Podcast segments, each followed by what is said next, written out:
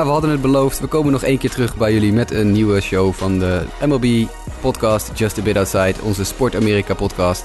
En daar zijn we dus. Het heeft ietsje langer geduurd dan we gedacht hadden, uh, want ja, er komt wel eens iets uh, tussen. Maar hier is de wrap-up show, de season wrap-up show. En dan gaan we nog eventjes een klein beetje terugblikken op het afgelopen honkbalseizoen en vooruitkijken naar wat er in de komende maanden aan zit te komen. Mijn naam is Jasper Roos en ik ben vandaag vergezeld door Lionel Stuten. Hoi. En Mike van Dijk. Hoi Jasper. Justin die zit thuis op de bank te snotteren, dus even shout-out naar Justin, hopen dat hij snel weer beter is. Uh, daarop gaan we het even met z'n drieën aanpakken vandaag. Maar we gaan nog één keer MLB Season 2017. Here we go.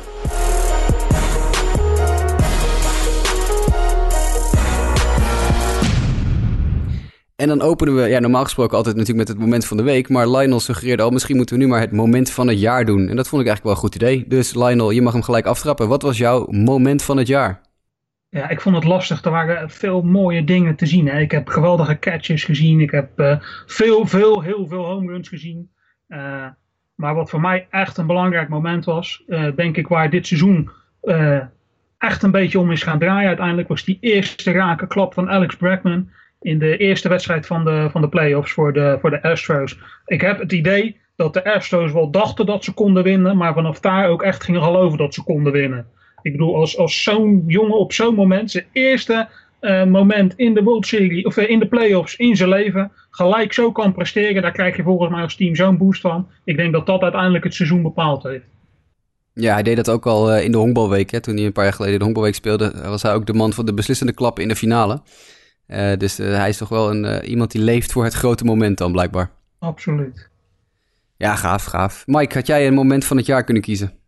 Ja, als mensen mij gaan vragen waar ik uh, dit seizoen aan terugdenk, dan is het uh, het eerste volledige MLB-seizoen van Aaron Judge. 52 home runs. Ik bedoel, het seizoen ging eigenlijk alleen maar over home runs. En Aaron Judge is wat mij betreft wel de, de echte uh, ja, spotlight geweest. Raak, raakt die, ik in ieder geval raakte niet over hem uitgesproken. zowel positief als negatief. Maar zijn seizoen blijft bij mij wel hangen als hoogtepunt van dit seizoen.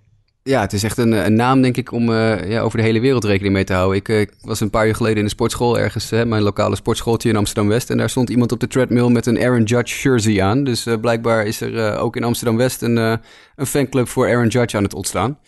En dat is denk ik wel terecht. Ja, het was het jaar van de home run, hè, dus ja, ik ontkom er niet aan om toch even ook een shout-out te geven aan Giancarlo Stanton. Die echt een absurde laatste maand aan het seizoen had. Uh, tien homeren sloeg in een week tijd op een gegeven moment, geloof ik. En uiteindelijk eindigt op 59, bijna de 60 haalde. Dat is natuurlijk al een tijdje niet meer gebeurd.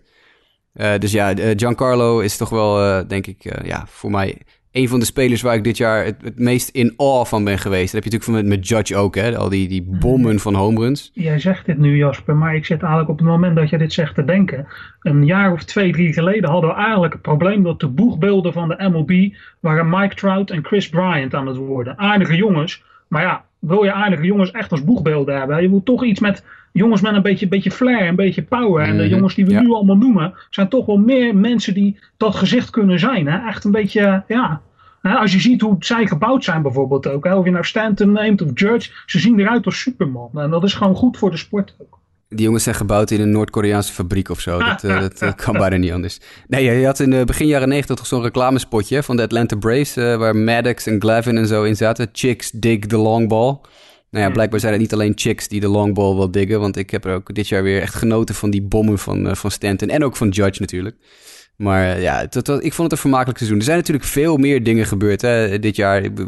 We, kunnen zoveel dingen nog eruit kiezen die, uh, waarvan we dachten... wauw, dit is, dit is echt uh, ja, het moment van het jaar. De, seizoensopening bij Kansas City... Bij de Kansas City Royals staat mij nog vrij goed voor de geest... met de eerste pitch die geworpen werd door de moeder van Jordano Ventura... wat een heel emotioneel moment was... Uh, en ja, ze zijn er natuurlijk veel meer momenten geweest dit jaar. Uh, ja, de no-hitter van Edison ja, tegen de Diamondbacks. De bizarre no-hitter van, van Edison Volquez inderdaad, ja. Nee, dit is, dat is het mooie aan honkbal, aan een honkbalseizoen. Het is heel moeilijk om er één moment van het jaar uit te kiezen. En ja, een beetje, een beetje cheaten doe ik ook wel. Want het is niet echt een moment, maar meer uh, ja, een, een persoon van het jaar voor mij. Maar hij is, heeft 28 en hij heeft nu al 267 home runs geslagen, Stanton. Dat is echt ja. wel... ja, terwijl hij bijna geen enkel seizoen helemaal fit is gebleven. Precies. Moet je ook nagaan. Ja. ja. Nee, het is, het is absurd. Het is, het is wat die gozer loopt te doen. Echt geweldig. Ja, ja en uh, toen uh, was daar ook uh, verdiend voor hem nog een, een, prijs aan het eind van het jaar. Ja, absoluut. MVP, ja. MVP van de National League, Giancarlo Stanton. Wie had dat een paar jaar geleden gedacht? Ja, eh, als hij ooit, het is wat je zegt, als hij ooit eens een keer een heel seizoen goed kan blijven spelen zonder geblesseerd te raken, dan is hij natuurlijk wel een kandidaat. En dat hebben we nu gezien natuurlijk. Wat dat betreft is het niet vreemd. En zeker ook als je kijkt, eh, als je eigenlijk kijkt naar de rest van zijn organisatie, dan draaien zij nog een beetje op hem. Misschien dat dat nu gaat veranderen, nu daar natuurlijk uh, een, een regime change is geweest, om het zo maar even te zeggen. Maar ja, hij is wel natuurlijk ook het gezicht van zijn franchise. En dat is natuurlijk niet zomaar. Dat is omdat hij dit soort dingen doet. Dus ja, het, zit, het zat er wel in voor hem. Ook een beetje mijn moment van het jaar hoor. Dat wij uh, As the Marlins Turn hebben kunnen produceren. en, uh, en in latere fase nog de Big Unit Bingo. Dat zijn toch ook wel twee momenten van het jaar voor mij. Dat we, dat we die twee dingen in de wereld hebben kunnen roepen. Maar uh, nee, dat is inderdaad wat je zegt is absoluut waar. Stanton is, is een icoon. En ik denk dat hij verdient de NL MVP heeft gewonnen. In de American League was het veel mindere verrassingen, Mike. Ja, Jose Altuve. We zagen hem eigenlijk al aankomen, toch? Ja, absoluut. Ja, ik denk dat heel veel, heel veel van ons dat inderdaad wel, uh, wel zo, uh, zo hadden voorspeld aan het begin van het jaar. Want uh, ja, die man is gewoon zo ontzettend belangrijk voor het team. En ja, wat hij laat zien over zoveel facetten van het spel, zowel in het veld als op de honken als aan slag, dat is gewoon, ja, het is, ik denk dat hij op dit moment de beste speler is. Ja, en, en, en het grappige vind ik dan ook alweer van, hey, je hebt het net over grote, stevige spelers die uh, een bal heel ver weg kunnen slaan. Maar Altuve is natuurlijk het uiterste en hij doet ook alles.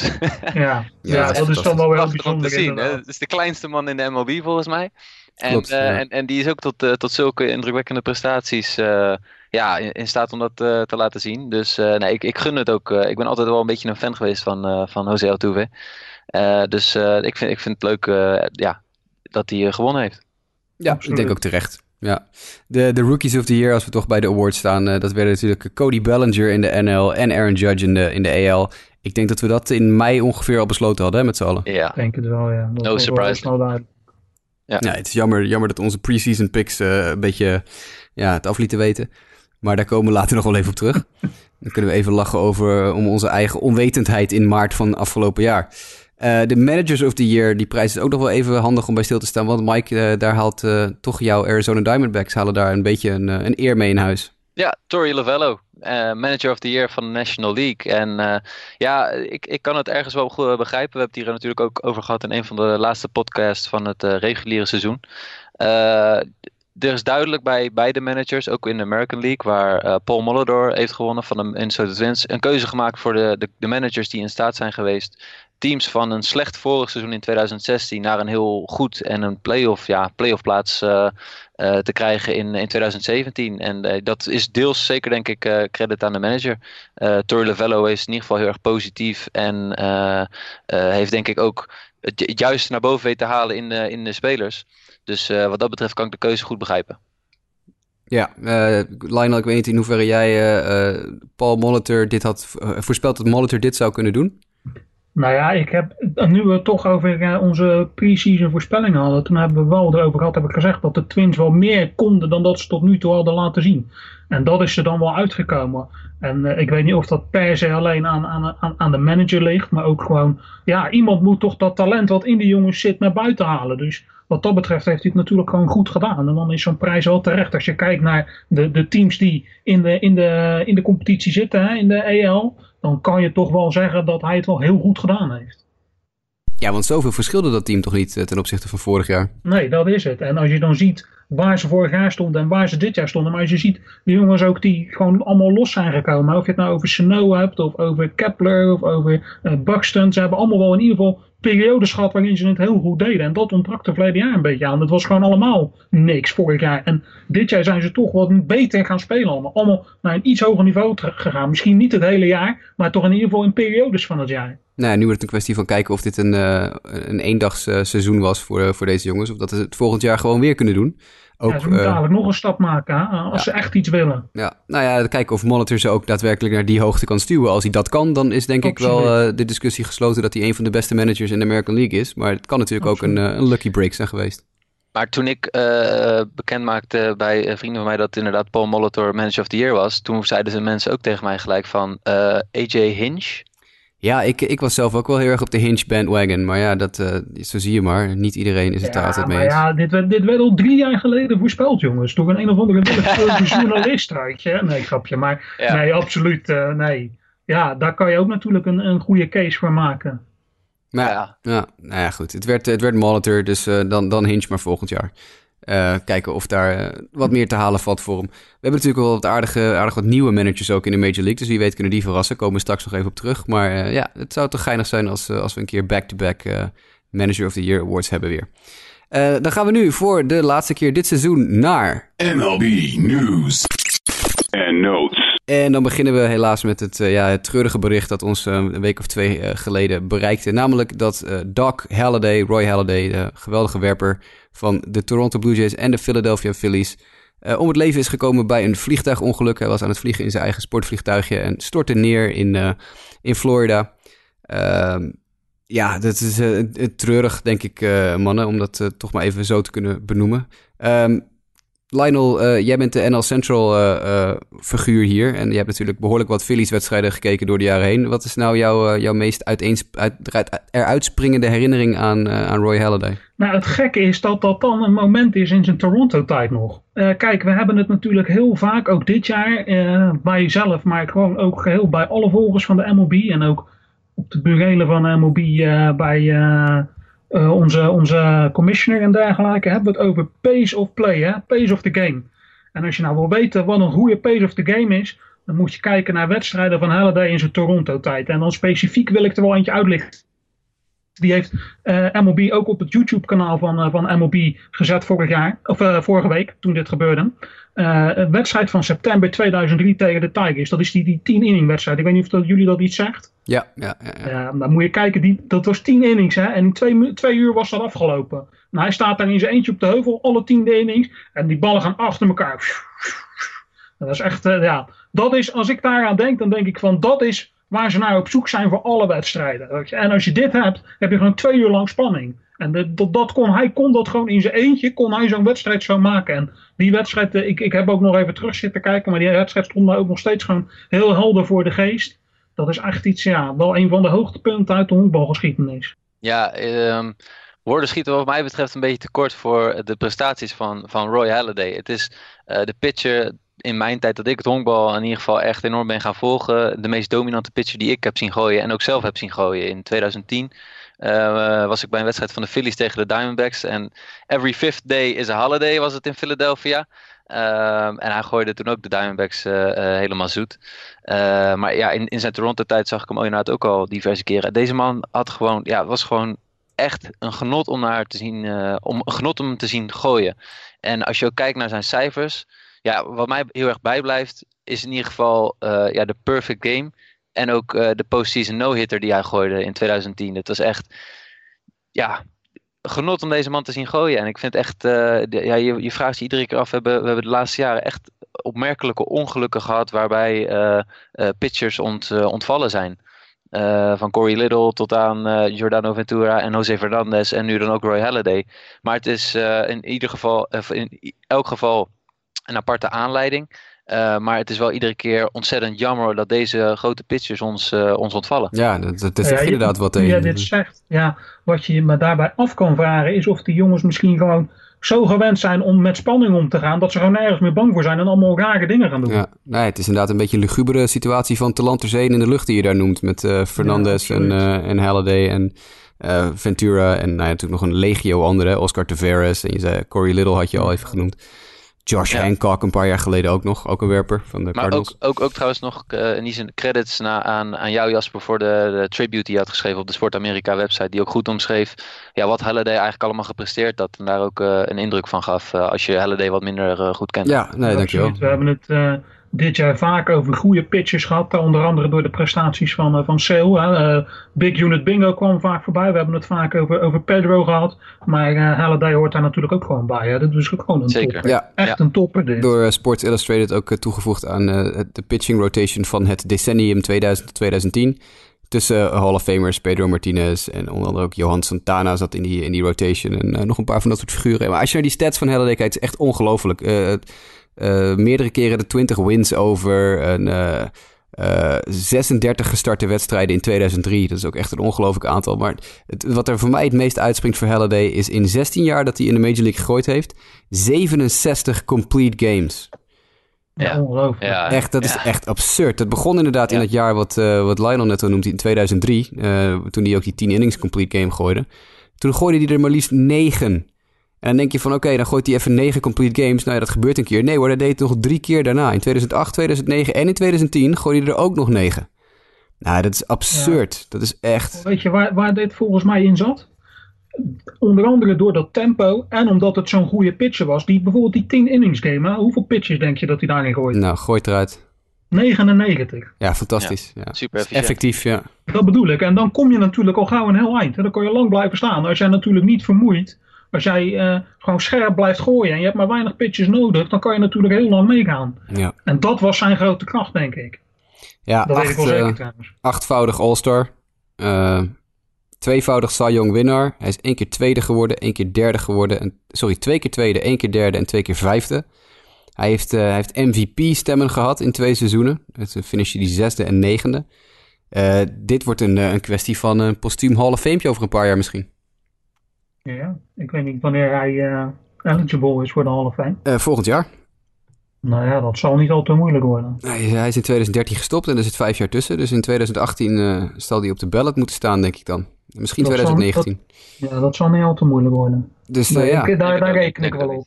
Ik denk ook wel dat hij dat, eh, dat, Ja. hij dat verdient. Dat denk ik ook wel, ja. Fantastisch. Ik, ik zou iedereen van harte aanraden om, eh, om zijn Baseball Reference pagina op te zoeken. Want het mooiste aan die Baseball Reference pagina is... mensen die veel op die site zitten, die weten wel als ik dat zeg... maar daar doen ze altijd in die hele grote statistiek eh, boxen die daar staan... op het moment dat, dat een speler de league aanvoert in een bepaalde categorie... dan wordt het, het cijfer, het getal, dik gedrukt. Dus dan kan je zien, oké, ja, blijkbaar ze, eh, in, in nou, wat ik zei, 2003 gooide die 36, eh, eh, startte die 36 wedstrijden. Dat getal is dik gedrukt, want dat was het meeste van iedereen in de league. De hoeveelheid dik gedrukte eh, statistieken in de tabel van Roy Halladay op Baseball Reference is echt absurd. Is echt absurd. Eh, heb je het over whip, wins, win-loss percentage, complete games, shutouts. Hij heeft ook de, de league meerdere keren aangevoerd in shutouts. Gepitchte innings, eh, hit tegen, nou noem het maar op. eh, eh, strikeouts per win. Het is echt een absurde hoeveelheid dikgedrukte eh statistiekjes. Dus het is echt de moeite waard om dat even te gaan bekijken. Ik, ik vind het jammer. Ik heb altijd heel erg genoten van Halliday. En dat, Ja, dat deden we natuurlijk toch al niet meer, want hij was al met pensioen. Maar ja, zo'n jongen die, ja, twee kids en een vrouw, die heeft nog wat langer te leven in principe dan de 40 jaar dat hij op deze aardbodem heeft rondgelopen. Eh, gaan we even door van, eh, van Roy Halladay, want er was nog meer eh, negatief nieuws. Dat kwam toevallig gisteren allemaal naar buiten, dus daar kunnen we mooi nu even over praten. Namelijk de Atlanta Braves. Het is al een aantal keer al genoemd, ook in de podcast, maar ook in, op de website in artikelen, dat de Atlanta Braves hadden een probleem, want daar kwam ineens naar buiten dat daar ongelooflijk gesjoemeld was met van alles en nog wat. Dat er echt, echt gewoon ronduit vals gespeeld was door de front office. En dat ging dan vooral over het, eh, het, het aantrekken van jong talent, dus prospects uit de internationale markt, waar we het ook al veel over gehad hebben, eh, of zelfs de draft. Eh, daar heeft MLB een onderzoek naar gedaan. John Coppolella, de GM van de Atlanta Braves, stapte in begin oktober al op. Vanwege het feit dat hij de grote man, het brein was achter al die valsspelerij. Echt een gigantisch onderzoek heeft daar, is daar op gevolgd. Want het was echt een, een, enorme hoeveelheid overtredingen waar de Braves op betrapt waren. En nou ja, met Coppolella weg moet je natuurlijk een nieuwe GM hebben. Dus de Braves hebben al voordat de straf naar buiten kwam, de strafmaat van de MLB, een nieuwe GM aangesteld. Laten we het daar eerst even over hebben. Alex Antopoulos.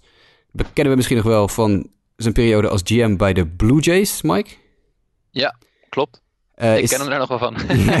ja, ja, hij is toen hij is een beetje dubieus weggegaan volgens mij. Ik weet niet meer hoe dat zat eh, precies. Hij is, volgens mij heeft hij toen iets van een contractverlenging afgeslagen... omdat hij vond dat de Blue Jays hem niet genoeg macht gaven of geld gaven. Wat, ik- Dat zou ik ook het fijne niet exact meer van weten. Maar wat ik wel weet van de periode van Alex eh, in, in, in Toronto is in ieder geval dat mensen altijd heel erg hoog van hem waren. En dat er enorm veel gebeurde met grote namen in Toronto. Ja, maar dat klopt. er uiteindelijk vrij weinig van presteren terecht is gekomen, als je het mij vraagt. ja, hij is nog heel jong. Hè? Hij was toen eh, de jongste GM in de game. Klopt. Toen hij bij Ja. Toronto zat. Uiteindelijk hebben de Dodgers hem opgescoopt... en daar is hij eh, nu al een paar jaar assistent van, van Friedman. Andrew Friedman, de GM van de Dodgers. Best wel een eh, goede GM, denk ik, om eh, nog een paar jaar mee mee te lopen. Maar die is dus nu weer terug, Alex Antopoulos, eh, bij de Atlanta Braves. Maar ja, goed, toen hadden we nog niet de, de, de straf bekend zoals die nu is. En jemig, uh, MLB heeft hier echt ja, de Braves echt onthoofd. Dit is wat, wat in, in college sports en in Deflategate in de NFL wel eens de doodstraf genoemd werd. Want luister even mee. De Atlanta Braves leveren in 12 prospects uit de periode dat ze vals gespeeld hebben. Dat is voornamelijk de 2016, seizoen 2016 geweest. 12 prospects, waarvan de top 4 uit de internationale markt van 2016. Waaronder nummer 1 Kevin Maitan. Dat was de absolute catch. Die is vergeleken met Chipper Jones en Miguel Cabrera qua talent. Die moeten ze inleveren. Die jongens worden dus binnenkort free agent gemaakt. Komen we straks nog op terug, want daar zit nog een constructie aan vast voor de andere teams die die spelers eventueel willen contracteren. Ze leveren dus 12 prospects in. Ze leveren een draft pick uit de derde ronde van de komende draft in. Dat heeft te maken met het feit dat de Braves vals gespeeld hebben met hun draft pick in de derde ronde van afgelopen jaar. Die jongen hebben ze onder de tafel wat, uh, wat bonussen gegeven die ze helemaal niet mochten geven. Uh, het international pool money voor de jaren 2018, 19, 20 en 21 voor de Braves zijn doormidden gehakt. Dat betekent dat ze dus maar de helft van het geld mogen besteden wat de andere teams mogen besteden. Dat is een, een, een de doodsteek. Je kan gewoon niet meedoen op die internationale markt zonder geld. John Coppolella is voor het leven geschorst door MLB. Die mag nooit meer werkzaam zijn in de Major League. Zou die toch waarschijnlijk al niet, want niemand zou zijn handen willen branden aan die kerel. Maar hij mag officieel nu, hij is de derde persoon die door Rob Manfred op de permanently ineligible list is gezegd na, zet, na Henry Mejia, de pitcher van de New York Mets, die drie keer betrapt is op doping. En uh, Chris Correa, dat is die gozer die uh, van de Cardinals toen de Astros gehackt heeft. Dus nu is Coppolella de derde die levenslang geschorst is door MLB.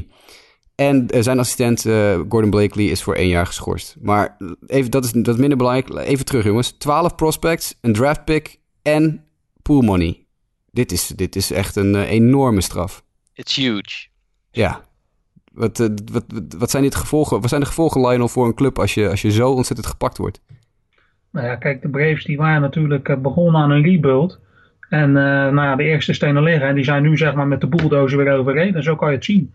Uh, ja, als ze tot 2021 nog, waar, uh, zeg jij, ja. de gevolgen hiervan gaan moeten dragen op zijn minst. En daarna moet je nog gaan opbouwen. Nou, dan kan je er wel van uitgaan dat je tot 2030 nergens meer op aanspraak hoeft te maken. Je speelt gewoon de komende 12 jaar speel je gewoon uh, onderste plek in je divisie, onderste plek in de league zelfs. Ja, nee, je moet niet vergeten inderdaad dat uh, die 12 prospects die, die ze kwijt zijn, dat we, die werden alle 12 gezien als significante talenten.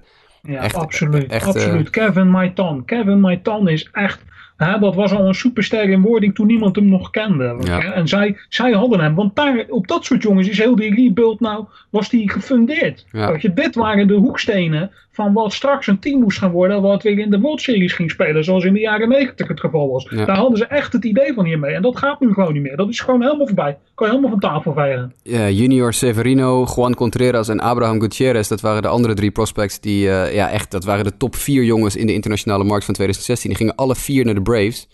Uh, dit is, ja, dit is een, uh, echt een, een, zwaard door je hart bijna. Nou moet gezegd worden, de Braves hebben een fantastische minor league systeem. Echt een fantastische club jongens bij elkaar. Maar bijvoorbeeld Jim Callis van MLB.com heeft ze wel van de eerste plek afgehaald in, in het minor league systeem, de, de, de, rangschikking ervan. dus ze zijn nu naar plek 2, want dit was echt een enorme aderlating.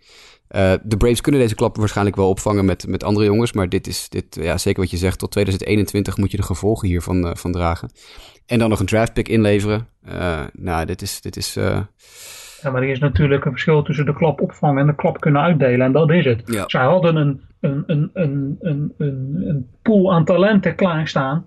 Waarmee zij zeker weten konden gaan meespelen. En nu kunnen zij. Ehm, ja, zij zijn, zij zijn er ook, zeg maar. Zij, hebben gewoon, zij kunnen een team op het been brengen, maar je hoeft er geen wonderen van te wachten. Misschien dat er een keer een jaartje tussen zit dat het lekker loopt. Dat ze net een wildcard plekje pakken over een aantal jaren. Maar je hoeft niet erop te rekenen dat zij nu gewoon geduldig aan een team kunnen gaan bouwen. Wat eigenlijk het plan was. Geduldig aan een team bouwen waarmee ze serieus een gewoon naar de World Series konden gaan doen over een paar jaar. Dat zit er ook niet in. Dat kan niet. Ja, Mike, uh, als je kijkt naar de, de, de, de, zwaarte van deze straf, wat, wat denk je dat de, de gedachte van MLB is achter deze beslissing? Nou, die hebben gevo uh, gevonden dat hier echt een, e een, ethische grens over gegaan is. Uh, waar ik zelf en uh, jullie volgens mij ook het eerder dit seizoen eens waren over de enorme milde straf die uitgedeeld werd tussen de Boston Red Sox en de New York Yankees toen er andere middelen werden ingezet om tekens te vertalen en, en door te versturen. heeft de MLB hier duidelijk wel echt gevonden van hier moeten we flink tegen optreden en dit is geen eerlijke concurrentie meer. Dus uh, ik, ik, in die zin, uh, alle hulde aan de MLB wat dat betreft. Ja, het is, het is natuurlijk één, één wrang dingetje voor Braves-fans. En Braves Twitter staat al in de honkbalwereld bekend als een, uh, nou, zullen we zeggen, nogal vocaal groepje mensen op, op Twitter die nogal een duidelijke mening hebben. Uh, daar werd natuurlijk meteen heel hard naar andere mensen, naar andere clubs gewezen. Iedereen doet het, waarom worden alleen wij gestraft? Waarop uh, Jeff Passan van Yahoo... Ja, ze erbij zitten aan het bureau. Ja, nee, precies. Nee, Jeff Passan van Yahoo die reageerde daar eigenlijk op van... Uh, ja, nou ja, omdat jullie gepakt zijn en de rest niet, weet je wel. Daarom, ik bedoel, jullie zijn te stom geweest om, om het iets te, te duidelijk te doen. maar hij voegde daar nog wel aan toe... dit is een, van een heel andere categorie dan wat de andere teams. Natuurlijk, dit is iets wat in alle organisaties voorkomt. Dat je een dealtje sluit met een andere speler. Van hey, nou goed, als ik jou nou wat geld geef, dan nemen we over drie jaar. Contracteren we je broer ook, weet je wel. Dat soort, dat soort dingen. Dealtjes worden altijd gemaakt. Maar de schaal waarop de Atlanta Braves de afgelopen twee jaar, misschien wel langer, uh, vals hebben gespeeld, is, is echt uh, is on, ongehoord. Dat hebben we nog niet eerder gezien in Major League Baseball. Uh, en ik denk dat, uh, dat MLB vooral hier inderdaad een statement mee heeft willen maken. Ik denk dat, laat ik zo zeggen, ik denk dat het twee kanten heeft. Aan de ene kant wil MLB heel duidelijk maken, dit tolereren we absoluut niet. En aan de andere kant gaat MLB dit ook gebruiken, denk ik, om een internationale draft erdoor te duwen. In plaats van dit internationale free agent systeem. Dat is natuurlijk sowieso iets wat ze graag willen. Hè? Tenminste, er zijn in ieder geval een hoop stemmen die daarin opgaan van dat ze dat, dat, dat wel iets is wat graag uh, gezien is, een internationale draft. Ja. En er zit natuurlijk ook wel wat in. Nou, en dan krijg je een veel eerder verdelingssysteem dan het hele pool money systeem dat we nu hebben natuurlijk. Juist, is, uh, juist. Nou ja, stel je ook eens voor dat in 2021, 2022 de Braves uh, World Series champion waren geworden en dat dit dan was uitgelekt. Ja, moet je, ja. ja, dan krijg je dat inderdaad weer. Ja. Maar wees maar blij dat het dan nu inderdaad naar boven is gekomen. Ja, het, het, ja, het, het treurige vind ik gewoon heel erg is van de, er staat een nieuw stadion, maar er zitten niet echt kwalitatief goede spelers nu in. Nee, nou goed, er zitten er wel een paar in die eraan zitten te komen. En vergeet Freddie Freeman niet, wat die ook, altijd een all-star is natuurlijk. Maar uh, ja, dit is gewoon dit is een aderlating. De club gaat dit wel op kunnen vangen. Ik denk dat de Braves wel terugkomen. Uh, ja, en het zet, het zet ze denk ik ook in een, uh, weet je, in een andere positie om op andere manieren te kijken hoe ze weer competitief kunnen worden. Ja. Hè, nu kunnen ze gewoon niks op die internationale markt, dus nu moeten ze het op een andere manier gaan doen. Ja. Nou ja, dan denk ik dat je met uh, iemand als Alex Anthopoulos wel een ervaren persoon hebt die ook veel in de analytics zit, ja. die daar wel ja, creatief te werk kan gaan. Maar ja. is creatief misschien een raar woord om te gebruiken bij de Braves. nee, dat is, dat zeker waar. Het is natuurlijk een beetje suf dat ze ook in de draft uh, geklooid hebben. Dus dat ze ook meteen ook een, een draft van, de, van hun eigen uh, first year player draft kwijtraken. Maar ja, goed, oké. Okay, dat, is, dat, is, dat moeten ze dan maar even te boven zien te komen. Uh, ik, ik gaf iets eerder al aan, ik refereerde al aan... wat is nu de status van deze spelers... die nu free agent zijn verklaard door Major League Baseball... Nou, dat zit als volgt. Het, het is niet zo dat ze ongelimiteerd gecontracteerd kunnen worden door clubs... Uh, MLB heeft gezegd, clubs mogen natuurlijk gewoon een uh, geld bieden op deze jongens en zeggen van nou, we bieden je contract aan met zoveel bonus of met zoveel bonus. Maar dan moeten ze daarvoor of hun international pool money budget van dit jaar voor gebruiken of dat van vorig jaar als je nog wat over had. Want sommige teams maken hem niet op en dat wordt dan natuurlijk wel ergens opgeslagen hoeveel je nog overhoudt. Dus spelers mogen gecontracteerd worden door teams, maar alleen mag daar het bonus pool money van dit jaar wat er nog over is of van vorig jaar voor gebruikt worden. En dat is natuurlijk wel een, een, een keuze die, uh, die teams nu moeten gaan maken. Gaan we al ons budget inzetten op Kevin Maitan? Of gaan we voor Shohei Otani? Maar daar komen we straks ook nog even terug op uh, meneer Otani. Dus er moeten nu wel wat keuzes gemaakt worden. Sommige teams hebben al bijna geen budget meer. Die hebben natuurlijk bijna alles al doorheen verbrast de, de laatste twee jaar. ja, die zijn de klos. Die kunnen denk ik niet een, een gooi doen naar de kwaliteiten, naar de, naar de, ja, naar de spelers als Kevin Maitan.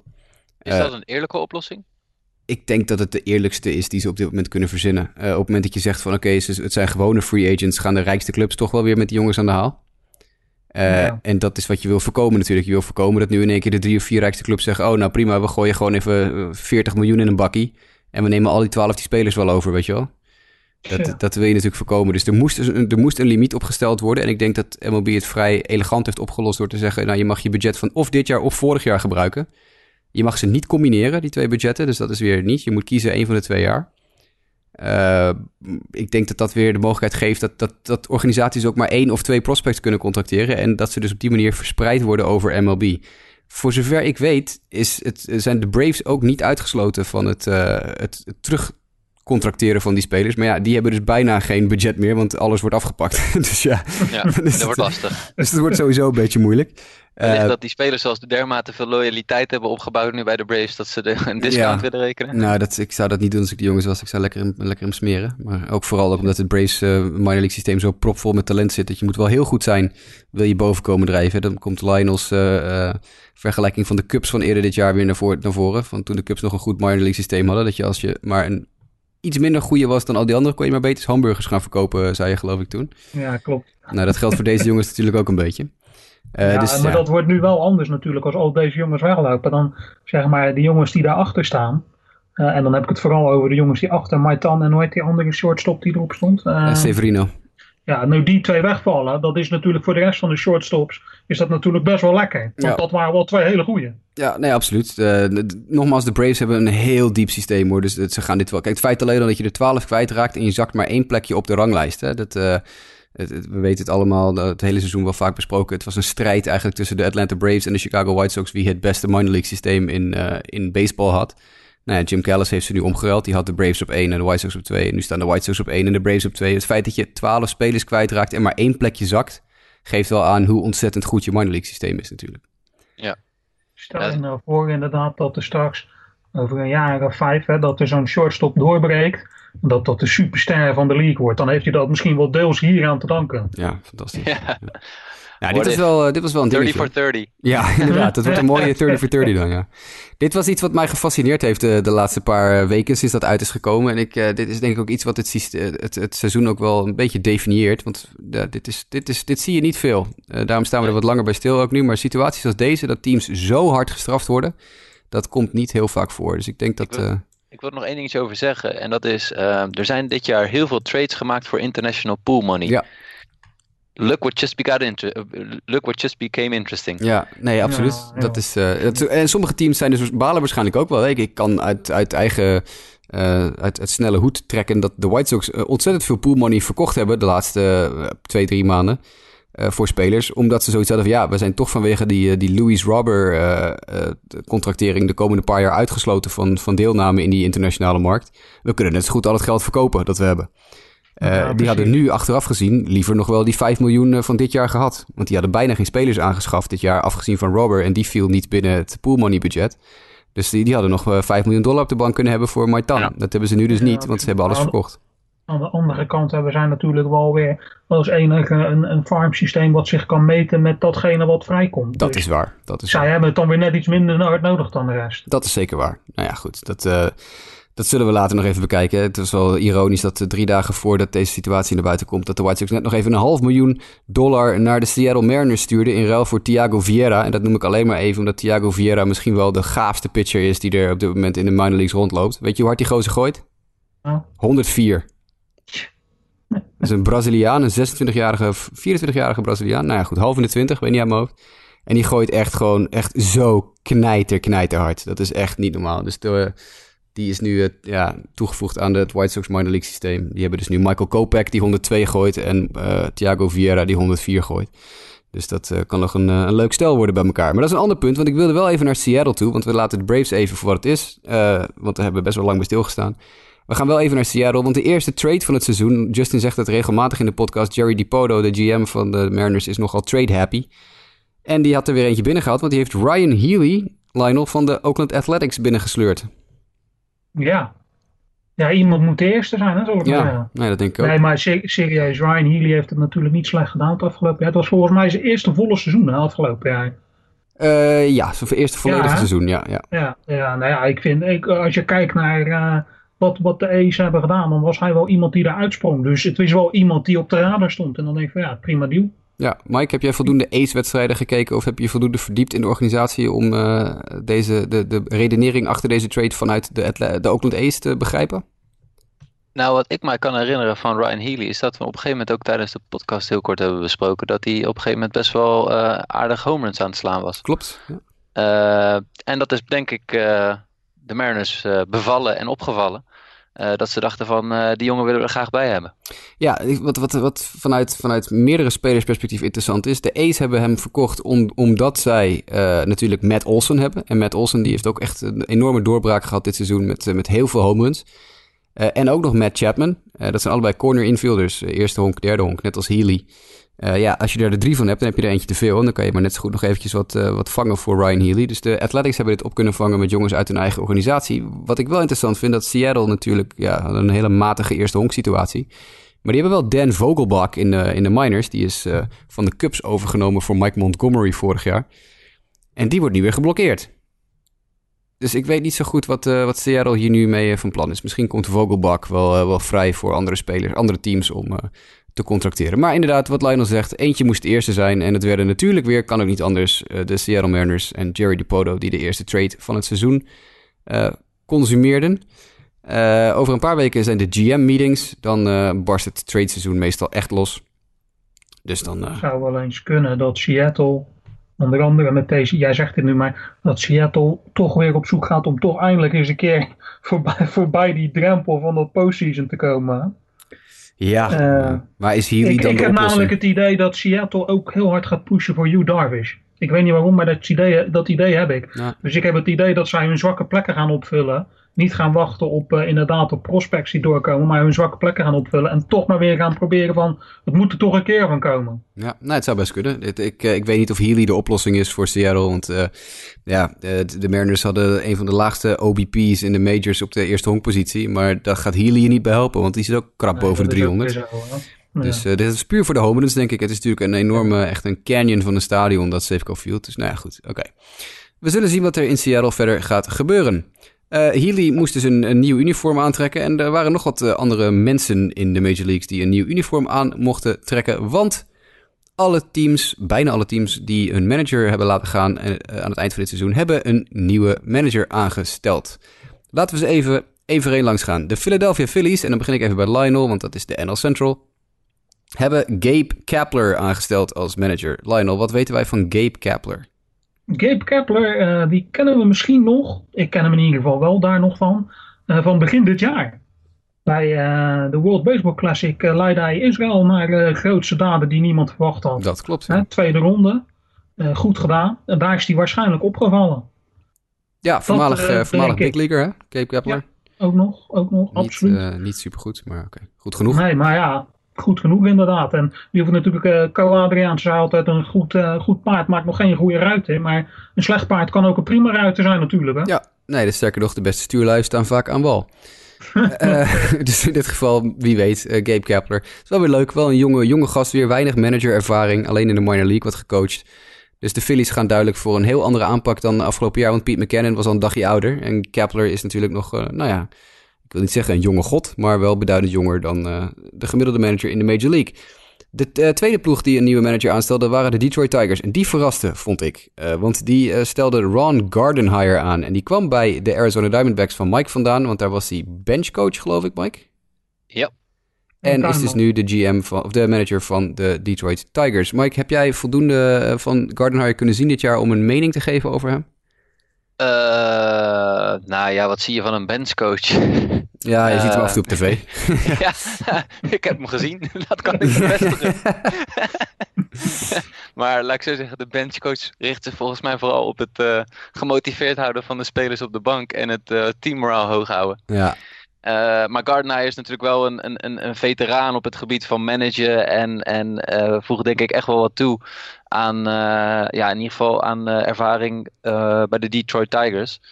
kent de divisie heel erg goed, omdat hij bij de Twins heeft gezeten. Heel lang bij de Twins heeft gezeten? Ja, en ik vind het op zich wel grappig dat ze dus nu voor een hele ervaren coach gaan. Omdat we het hier vaker ook hebben over gehad over wat is nou de, de kant die uh, de Detroit Tigers op dit moment op uh, gaan uh, als organisatie. Dat we daar niet echt over eens zijn. Nee, nou ja, dus... ik, ik, denk dat het wel duidelijk is dat de Tigers nu gaan rebuilden. En ze hebben denk ik gekozen voor een manager die ervaring heeft met jonge spelers opleiden. Wat hij in natuurlijk zijn eerste periode bij de Twins heel veel deed. Uh, ik vind Ron, Gardenhire een, een, zeer overgewaardeerde manager. Die heeft gewoon uh, altijd het beste uit een paar spelers kunnen halen. Maar uh, ik, zeker zijn laatste vijf, zes, zeven jaar in Minnesota... nou, was het niet echt om over naar huis te schrijven. Maar dat kan ook te maken hebben gehad met de filosofie die de GM daar erop nahield op het gebied van pitching bijvoorbeeld. Wie weet dat Gardenhire met een, in een betere situatie daar wat meer uit weet te halen. Ik denk dat hij gewoon gehaald is als ervaren man voor de jonge jonkies. Ja, ik denk wel, dat is gewoon even vanuit Gardenhire bekeken. Mm. Uh, zijn periode bij de Diamondbacks heeft hij denk ik gewoon gezien als uh, ik wil weer werken bij een MLB-organisatie en aan bij kunnen dragen. En nu er zoveel mogelijkheden waren bij verschillende teams om aan de slag te komen, dat hij gewoon uh, gekeken heeft wat vind ik een interessante baan om, om ja, om aan te gaan, uh, interessante opgave om op me te nemen. En dat hij daarom bij de Detroit Tigers is beland. Ja, interessante. Vaste luisteraars weten natuurlijk wel dat ik regelmatig met wat Tigers figuren in mijn familie contact heb. die zaten heel erg op de Omar Vizquel bandwagon. De Omar Vizquel die de afgelopen jaren al bij de Tigers werkte en het eerste honkcoach was het afgelopen seizoen van de Detroit Tigers. Die heeft ook geïnterviewd voor die, die baan, heeft gesolliciteerd. Hij is ook, mocht op gesprek komen. Maar uiteindelijk eh, gaat die baan naar Gardenhire. En, en Lionel, jij gaf terecht aan, toen was Fiscal ook eh, weg. Ja, Fiscal die gaat naar, eh, naar jouw team, hè? Ja, ik, Tenminste, in zover hij gaat binnen de organisatie werken. Hij gaat single A gaat hij doen. Ja, dat klopt. Maar ja, hij had natuurlijk ook al een, een wat managerservaring opgedaan in die WBC die je eerder noemde. Fiscal was ook in de, in de World Baseball Classic. Daar deed hij Venezuela. Ja, precies. Dus misschien is daar toch ook wel weer... Is dat, is dat toernooi toch wel ehm, ook voor managers interessant om zich in de kijker te spelen, of niet? Ja, dat lijkt me wel. Want um, een andere man die, uh, die ook een nieuwe baan heeft is Alex Cora. En Alex Cora die liep ook in de World Baseball Classic rond. Nou was hij niet de manager, maar volgens mij stond hij daar weer boven. Ik weet niet hoe je dat precies noemt bij een, een nationale ploeg. Zeg maar een soort GM-rol had hij bij Puerto Rico. Ja, die is nu aangesteld door de Boston Red Sox. Uh, was de benchcoach bij de Houston Astros afgelopen seizoen, waar hij kampioen mee werd. En nu is hij terug in Boston, waar hij ook een paar jaar gespeeld heeft. Uh, ook weer uh, na Kepler een jongen met eigenlijk nul managerservaring. Ja, opvallend wel. En zeker bij zo'n zo'n team als de Red Sox, hè, die toch dit jaar al grote hoop hadden en dat toch zeker volgend jaar weer zullen hebben. Dan zo'n man voor de ploeg zet. Het is wel een gedurfde keuze natuurlijk. Ja, ja vind ik, ik. Denk, ik denk wel dat... ik, ik, mij bevalt deze keuze best wel. Ik denk dat Boston ook heeft gedacht... Houston gaat ver op het gebied van toepassing van analytics... Uh, Alex Cora is een honkbalspeler.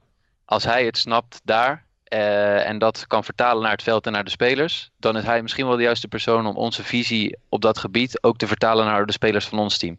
Ja, en... Uh, en in die zin gewoon slim shoppen bij de kampioen sowieso twee keer aan de leiding gestaan van een, dit jaar alleen al van een team wat of in ieder geval in de, in de, leidende, bij de, in de leidende rollen heeft gezeten bij zowel Puerto Rico als bij de Houston Astros natuurlijk in één jaar tijd. Ja. Dus dat zegt misschien ook wel iets over. En zij kunnen dat natuurlijk van binnenuit beter bepalen hoe groot zijn, zijn rol daarin is geweest dan dat wij hier van achter de microfoon kunnen. Dat ja. zo moet je het natuurlijk ook wel weer in. Ja, klopt. Ja, wel interessant natuurlijk om te kijken dat Gardenhire echt een vreemde eend in de bijt is. Als je het hebt over Kepler en Cora en de derde uh, jongeling die we even gaan noemen, Mickey Callaway van de New York Mets, voormalig pitching coach van de Cleveland Indians, die nu de manager wordt bij de New York Mets. Het zijn toch drie ja, ja, wat jongere hè, mensen uit een duidelijk andere generatie dan Gardenhire, die heel analytisch ingesteld zijn. Uh, die Mickey Callaway hire, is dat een beetje logisch voor de Mets, uh, Mike? Uh, ik denk het wel. De Mets zijn nou eenmaal wel een team waar, laat maar zeggen, pitching het deel is waar talent zit. Ja. Dus een coach die daar goed mee om kan gaan, uh, lijkt mij niet onverstandig. Ik vind het zelf wel een opvallende keuze. Maar dat is omdat ik ook minder bekend ben met Mickey Callaway. Ja, ik, ja. ik, moet eerlijk gezegd hetzelfde bekennen. Ik ben ook niet heel erg bekend met, uh, met de kunnen van Mickey Callaway. Nou ja, goed, hij levert natuurlijk al een paar jaar lang uh, uh, Cy Young Award winnaars af eigenlijk. Hè? Ja, Corey Kluber. Ja, absoluut. onder zijn leiding is Carlos Carrasco doorgebroken. Mike, hoe heet hij ook alweer, met zijn lange haren? Die figuur die gooit bij de... Clevenger. Clevenger. ik wil altijd Gallinger zeggen, maar dat is heel, ja, heel niet anders. Ja. Clevenger, ja. Nou, die is ook onder, onder Callaway uitgegroeid tot, ja, ja, van, van, eigenlijk niet zeggende minor league werper tot echt een, echt een goede, betrouwbare jongen. We hebben dat seizoen gezien van Josh Tomlin bij uh, de Cleveland Indians. Die nu nog steeds wel oké okay is, Tomlin. Maar nog een paar hele goede seizoenen heeft gehad. Was in zijn beginperiode ook nog niet uh, Bullpen uh, Mafia het, het verhaal van Cleveland? Dat, 2013 weet je? Ja, volgens mij wel. Volgens mij wel. Ja, ja zo lang zit hij er alweer. Met Tony Sip en hoe heet die geweldige closer ook weer die ze ook hadden? Beetje drukfiguur. Nou ja. Komen nog wel op. Kan ik ook even ja. niet opkomen, ja. Maar, ik heb wel een andere mooie quizvraag inmiddels voorbij gezien komen. Namelijk? Weten jullie de nationaliteit van Ron Gardenhire? Canadees. Ah, nationaliteit, Oh nee, hij zal wel Duits zijn, hè? Geboorteplaats, laat ik zeggen, de geboorteplaats. Ja. Hij, hij zal wel Duits zijn. Geboorteplaats, Ja, ja, volgens, inderdaad. volgens mij is die eh, eh, militaire vader die in Duitsland gestationeerd is geweest. Inderdaad, hij is geboren in Duitsland. Net als, eh, eh, hoe heet hij ook alweer, onze goede vriend Edwin Jackson. Die is ook geboren in Duitsland. Ja. Klopt. Hm. klopt. Maar dat is een heel ander punt. hey, de New York Yankees, die hebben nog geen nieuwe manager. Nee, maar dat kan er ook een van de World Baseball Classic worden. Hè? En dat is er eentje die we allemaal heel goed kennen natuurlijk. Ja, want jij zat te denken aan... Ja, eh, Hensley Meulens natuurlijk. Hè? Eh, de, Yankees zijn duidelijk op de Nederlandse tour. Want eh, ze hebben natuurlijk Didio. Ze hebben best wel interesse om, om Hensley de baan te geven. Hij heeft ook al een interview gedaan, meen ik. En er is interesse, en ik moest hier wel om lachen, interesse in Jurickson Profar. Dus ik zat te denken, misschien willen ze wel overstappen naar de hoofdklasse.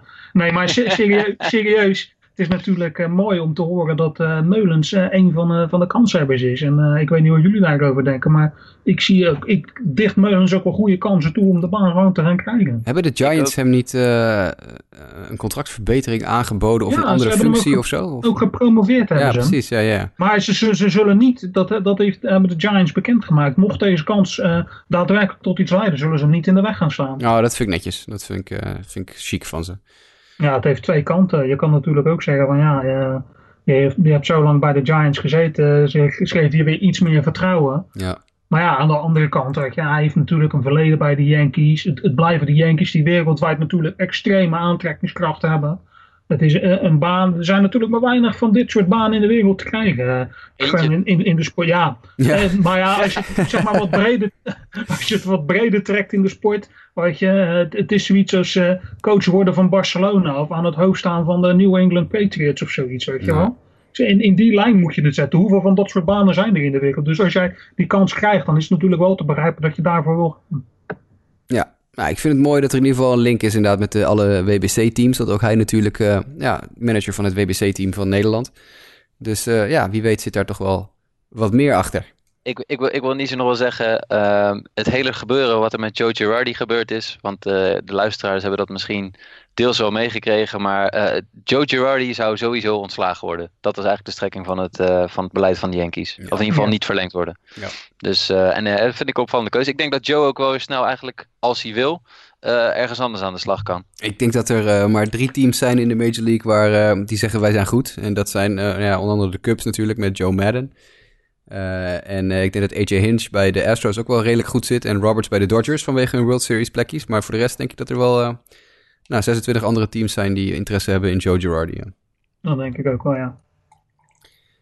Dan laten we het even wat betreft de managers daarbij. Want we gaan, ja, we zijn echt al lekker lang bezig, maar we gaan gewoon nog even door. Want ja, eens in de zoveel weken een keer een showtje doen, dan mogen we wel een keer een beetje uitlopen, vind ik.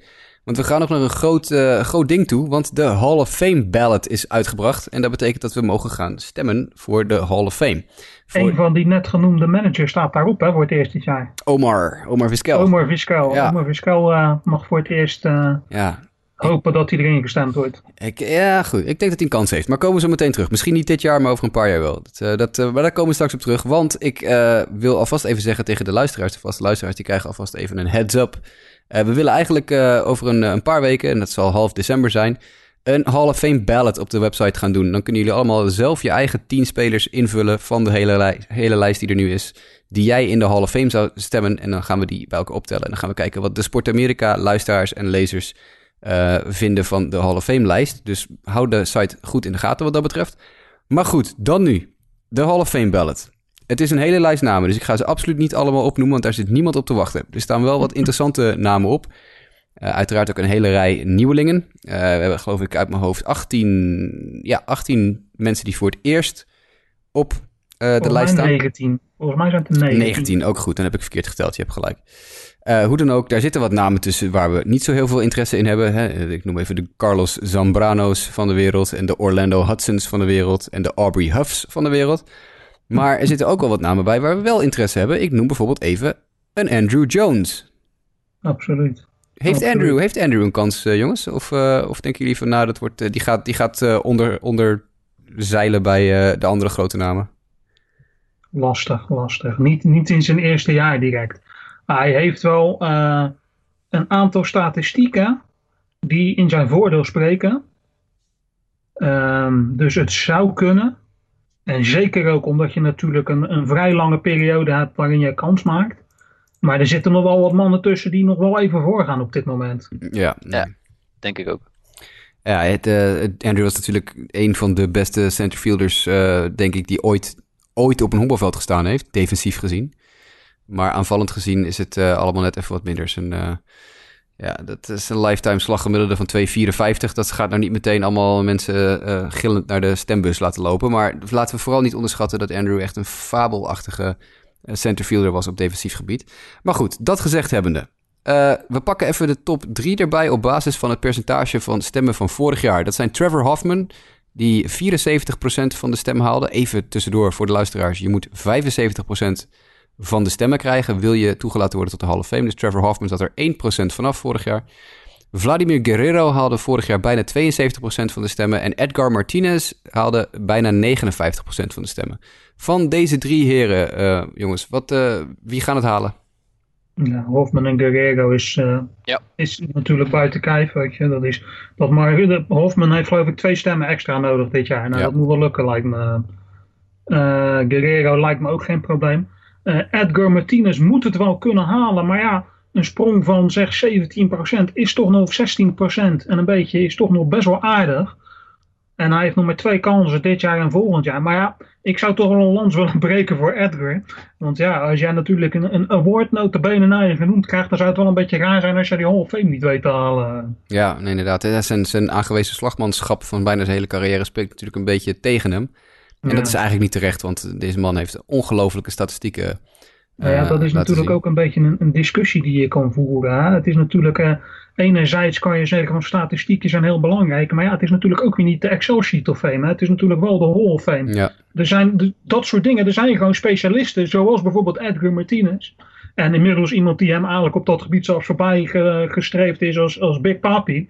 Ehm, die een, een bepaald specialisme hadden, wat toch ook wel heel belangrijk is in de honkbalgeschiedenis. Ja. En wat is nou wat er in de Hall of Fame moet komen? Zijn dat de mannen die belangrijk zijn in de honkbalgeschiedenis? Of zijn dat de mannen met de beste statistieken? Of moet dat een mix van beide zijn? ja, en niet iedereen is een automatisch, niet iedere goede slagman is automatisch ook een goede aangewezen slagman, weet je wel? Dat is, eh, dat is ook nog een, eh. Ja. een dingetje. Ik vind het bizar als je kijkt naar zijn war, zijn wins above replacement. Hij heeft gewoon bijna 10 war meer in zijn carrière dan Vladimir Guerrero. Maar staat wel even, wat, wat je Ja. zegt, 18% achter hem of zo.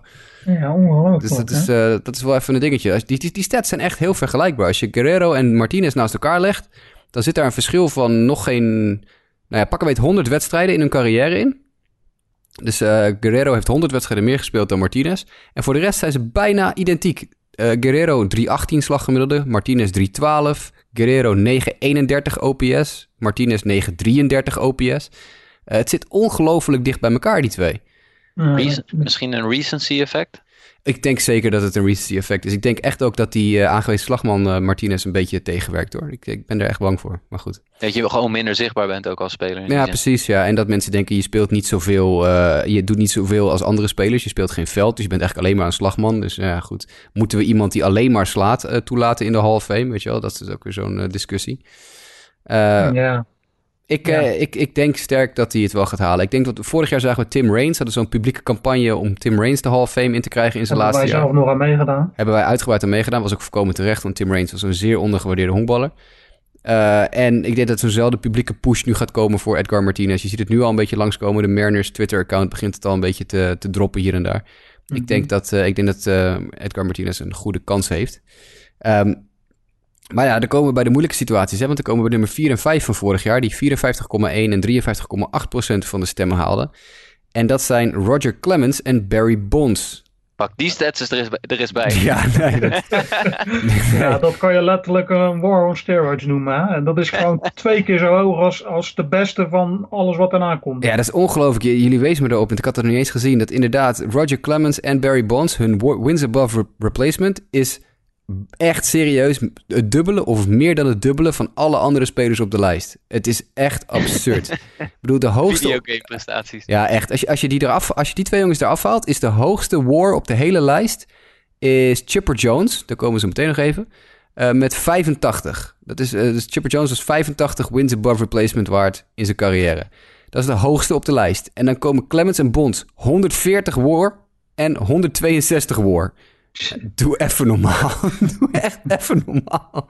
Dat staat echt helemaal nergens op. Alsof we een potje darts aan het kijken zijn. Ja, dat is, Het is echt normaal. dat is echt absurd. Dus eh, ja, die war on steroids van Lionel, dat is, ah, ja, dat is echt inderdaad bijna letterlijk te nemen. Wat extreem is dit, zeg? En wat het grappige is, dat ehm, zij komen allebei voor de zesde keer eh, aan de beurt nu. Hè? Zij, eh, het is het zesde jaar dat zij eli- eligible zijn om in de Hall of Fame te komen. En in de eerste vier jaar zag jij duidelijk dat ze nauwelijks stemmen kregen. En vorig jaar hebben zij ineens allebei een sprong gemaakt tot boven de 50%. Hè? En aangezien zij nog vier jaar te gaan hebben, zou het wel eens kunnen dat gewoon het steroid era toch gewoon een plek in de Hall of Fame gaat krijgen. Er zijn er natuurlijk een paar, net als Mark McGuire, die er vorig jaar afgevallen. En er zullen er nog wel een paar afgevallen, eh, af gaan vallen. Maar er zullen er toch ook een aantal toch die Hall of Fame gaan halen. Ondanks die hele, eh, dat Balco-schandaal en alles eh, wat er omheen hing. Ja, Joe Morgan, Hall of Famer Joe Morgan van de, volgens mij, Reds toch? Cincinnati Reds? Joe Morgan? Yes. Die, eh, die heeft gisteren of eergisteren een brief naar alle BBWAA-schrijvers geschreven. Die mogen dus stemmen, de Baseball Writers Association of America. Die mogen allemaal eh, stemmen voor de Hall of Fame. En hij heeft een brief, een brandbrief geschreven naar elke schrijver die eh, bij die BBWAA aangesloten is. En dat zijn er heel veel. Eh, om alsjeblieft niet eh, te stemmen op de steroid users. Want eh, dat, dat vond hij een, een schande voor de Hall of Fame. Ik, ik weet het niet hoor. Ik weet niet of we er nog aan ontkomen. Dit is gewoon dit is een periode geweest waarin ik denk driekwart van de Major League aan de doping was. Toen deden deze jongens het ook al. Bonds was al een Hall of Famer voordat hij aan de doping ging. Weet je wel? Ik, ik, ik, Mhm. ik begin het steeds moeilijker te krijgen om te zeggen van we moeten deze jongens eruit houden. Ja, je kan niet heel de geschiedenis zeg maar, gewoon een, een, een paar bladzijden eruit halen. Nee, Dit is gewoon gebeurd. Kijk, het is lastig. Wat ik het lastige daaraan vind, is dat je ze niet op gelijke voet kan zetten met, met, andere mannen Ja. in die Hall of Fame die hun eh, prestaties hebben neergezet zonder eh, spuiten, poeders en pillen.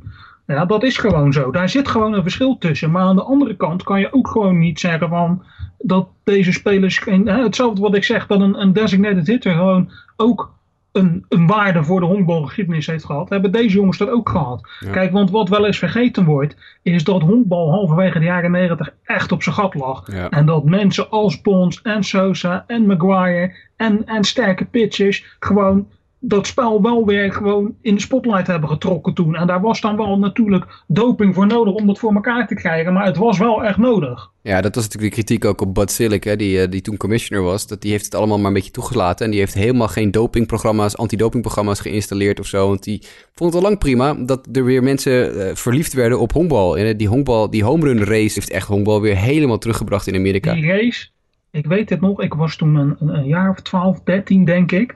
En dat kwam, dat was nog zeg maar het pre-internet tijdperk. Ja. Internet dat, Ja. was, dat, dat bestond wel maar alleen in de militaire systemen. Dus je was aangewezen op de televisie. En die race tussen Maguire en Sosa kwam gewoon iedere dag in Nederland in het sportjournaal van 12 uur 's middags. Als heel Nederland aan het werk was, dan heb je dat sportjournaal in het, eh, het 12 uur of in het 1 uur journaal. Destijds was het volgens mij 12 uur en tegenwoordig het 1 uur journaal. Doet er niet toe, maar dat kwam dagelijks in dat sportblokje terug. En ook om 7 uur opnieuw kwam dat gewoon dagelijks in dat sportblokje terug. Terwijl er nooit MLB in Nederland op de televisie kwam. Maar die race, dat was zoiets bijzonders. Dag in, dag uit zag je die home runs voorbij komen van die twee mannen. Dat zegt ook wel iets over wat er toen gaande was. Vlak na dat seizoen heeft de NOS toen ook een eh documentaire... Ik weet het ook nog, ik, was, iets- ja, ik ben iets jonger dan jij, maar niet heel gek veel volgens mij. eh, als ik het zo hoor. Nee, Eh, ik, eh, ik weet dat de NOS toen aan het eind van het seizoen eh, een, een documentaire heeft gemaakt over de home run race. En die uitgezonden heeft. En dat het een week van tevoren aangekondigd werd. En dat ik een week lang ja, hyperventilerend door het huis heb gelopen. Van er komt een honkbaldocumentaire, een MLB-documentaire op tv. Die heb ik opgenomen op een videoband. En ik heb ik denk, die documentaire denk ik wel 30 keer gekeken. Dat, eh, dat, dat was de enige honkbal die ik tot mij kon nemen in die periode. We hebben het inderdaad over, wat was het nou, 96 of zo? Zoiets. Ja. Eh, daar in De de tijd buurt. ook dat, dat CNN met World Sport iedere dag het ook nog bijhield. En dat je Precies. een half uurtje World Sport en eh, net even je paar honkbalhoogtepunten meepikte. Ja, en op CNN teletext de standen bijhield. Maar goed, Ja, dat, is ja. een, is een ander punt. Maar inderdaad, dat, dat heeft toen honkbal helemaal teruggebracht. En om even weer terug te cirkelen naar de Hall of Fame... dan moet je toch eigenlijk dat soort jongens gewoon zeggen... van, oké, jullie hebben iets gedaan, jullie hebben iets betekend voor het honkbal. Tuurlijk, jullie hebben dat gedaan op een manier die niet oké is... waar we nu allemaal van weten. Jullie zijn publiekelijk aan de schandpaal genageld van heb ik jou daar...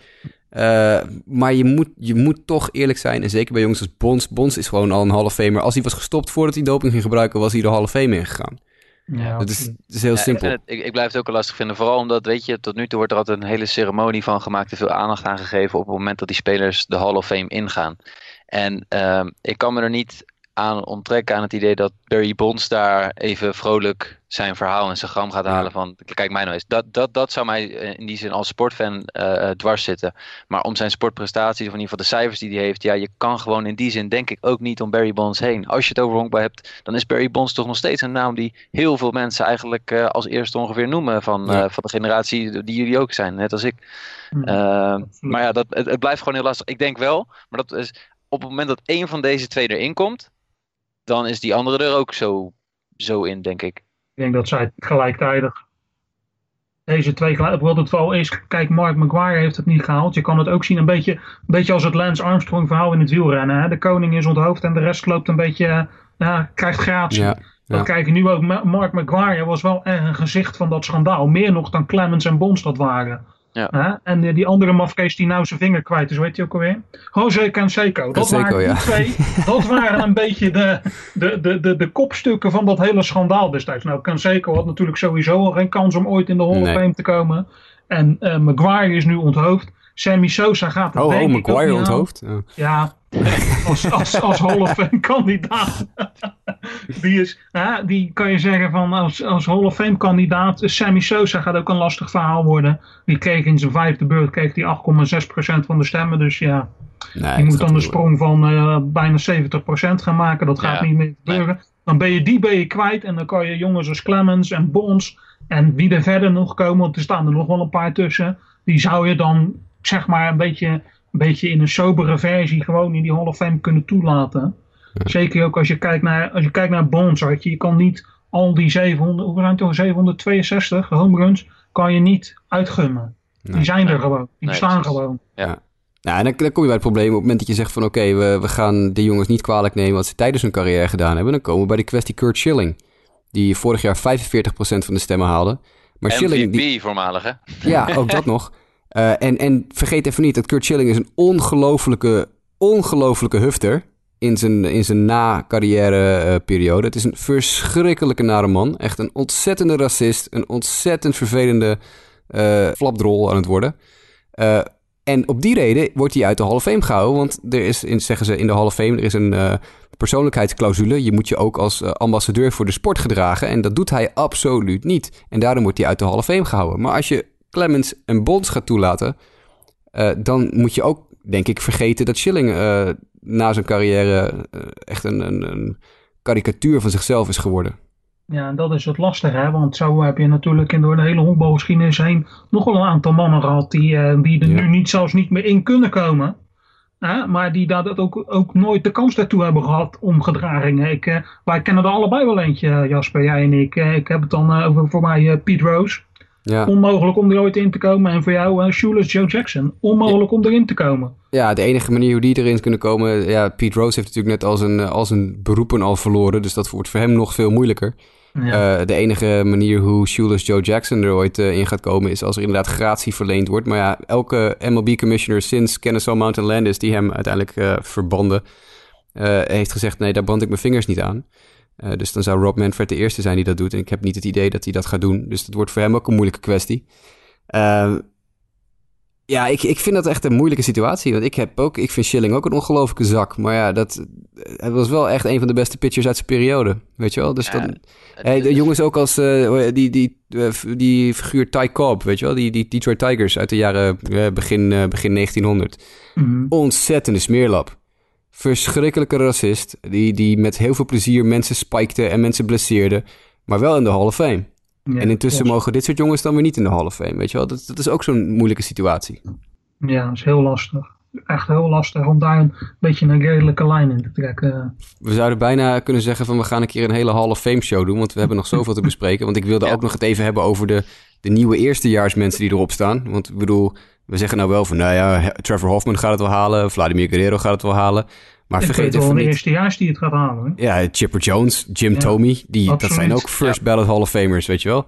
Dit, deze, deze lading aan mensen die op deze lijst staat dit jaar. Vorig jaar was hij een beetje minimaal, maar dit is echt een murderer's row aan, aan fantastische spelers die hierop staan. Het wordt echt heel moeilijk om er hier tien uit te kiezen. Hij kan wel iets interessants, uh, iets interessants melden daarover. Wat betreft Chipper Jones dan. Want ik denk dat hij het in de eerste ronde zou moeten kunnen halen. Ja, zeker. Uh, kijk, we hadden het net over die, uh, die wins above replacement. Hè? Dat, dat, dat hij na Clemens en Bonds, dat hij dan het hoogst had. Maar je hebt een andere statistiek. Dat is niet echt een statistiek, maar een, een goede graadmeter die specifiek voor de Hall of Fame is. En die komt uh, uit de koken van, van Bill James, de, de koning der statistieke mensen. Hè?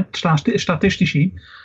je hebt zeg maar 100 statistieken, heeft, pakt hij bij elkaar, die bepalend zijn voor de mannen die in de Hall of Fame staan op dit moment. Mhm. En uh, als jij uh, uh, dat dan afmeet tegen die 100, ehm, die statistieken van de mensen die nu op de ballot staan, dan heeft Chipper Jones bij 70 van die statistieken staat hij op het gemiddelde of hoger. En alleen Bonds en Clem staan dan boven hem met 73 en 77. Maar gewoon twee derde van zijn statistieken is minimaal gelijkwaardig of hoger aan alle andere Hall of Fame spelers die nu wel al in de Hall of Fame staan. Dus dat zegt wel iets over zijn mogelijkheden. Ja, haal ook uh, Clemens en Bonds weer van die lijst af, want die zijn hem net voor. Want die hebben 73 en 77 in die statistiek die je noemt. En Chipper Jones 70.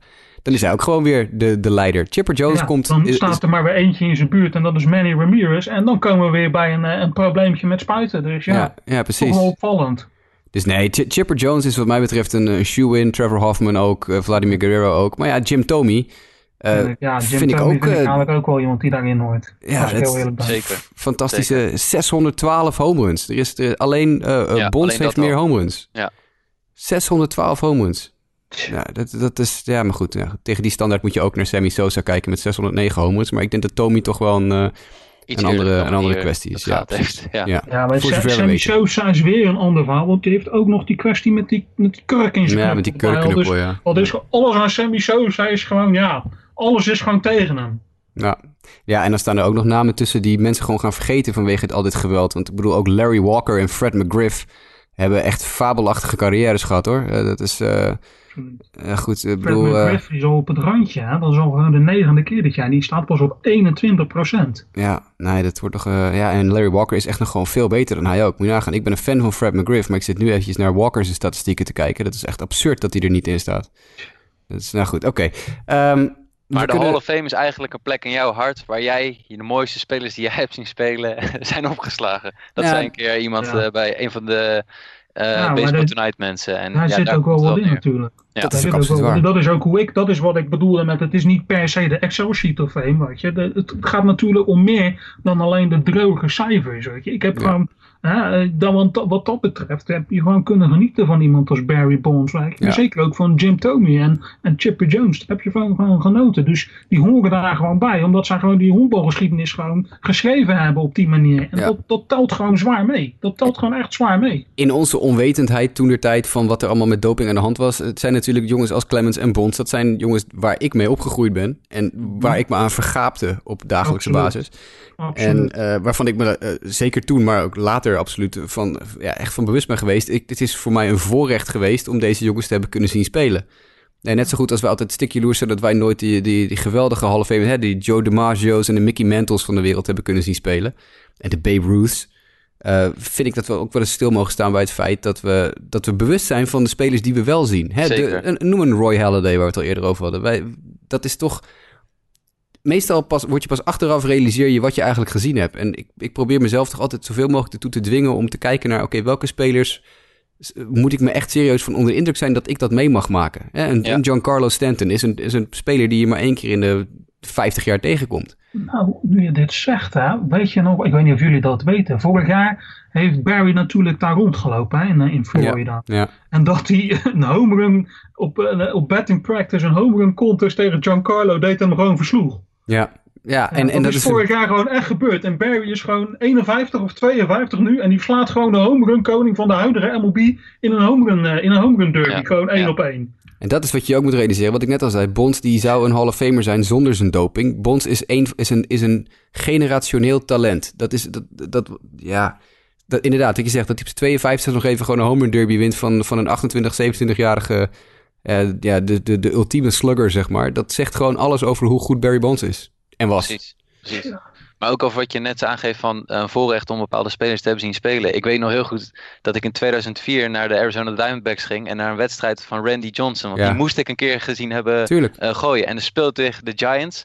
En hij nam het op toen tegen Barry Bonds. En toen zat, zat zat mijn vader ook van, weet je, deze twee spelers kan je redelijk van op aan dat die de Hall of Fame wel ingaan. Ja. Dit is wel even memorabel. Hier, dit moet je gezien hebben. Ja. Eh, en, en, en zo kijk je daar dan nu op terug. Maar ja, dan zit de ene wel, of geval, ja, Randy wel en Barry niet. Maar dat je op dat moment die spelers ziet, de beste hitter en in mijn ogen de beste pitcher op dat moment. Ja, dat is toch wel eh, uniek.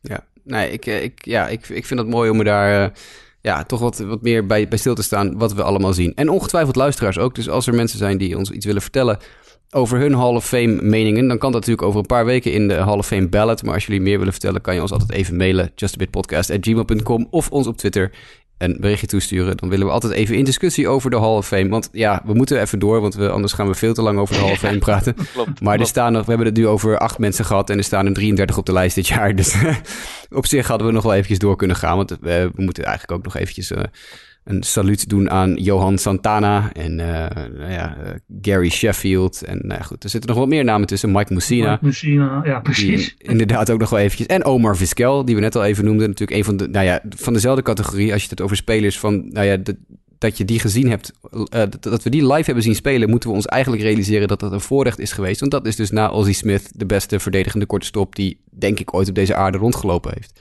Ja. Dus dat is, eh, ja, eh, ook voor, ook voor eh Vizquel, ondanks dat hij niet zo'n indrukwekkende slagman was, denk ik dat we toch op defensief gebied toch wel eventjes nog een Hall of Fame shout-out mogen doen.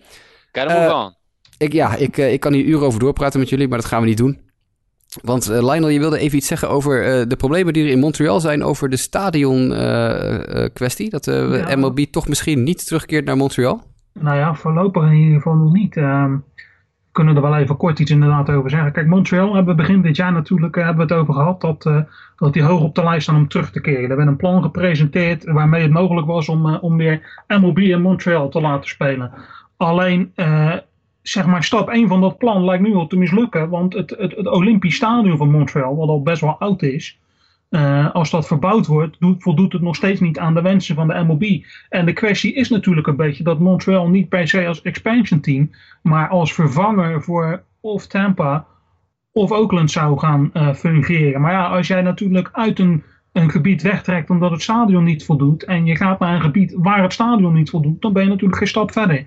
Dus dat is wel even een kwestie nu, waardoor die plannen die zo eh, zonnig werden gepresenteerd aan het begin van het jaar ineens een stuk minder zonnig zijn dan dat ze eh, leken. Ja. Nee, dat is jammer. Want ik, eh, ik was er eerder dit jaar ook al heel erg van overtuigd dat het misschien ging lukken. En ik zou het leuk vinden.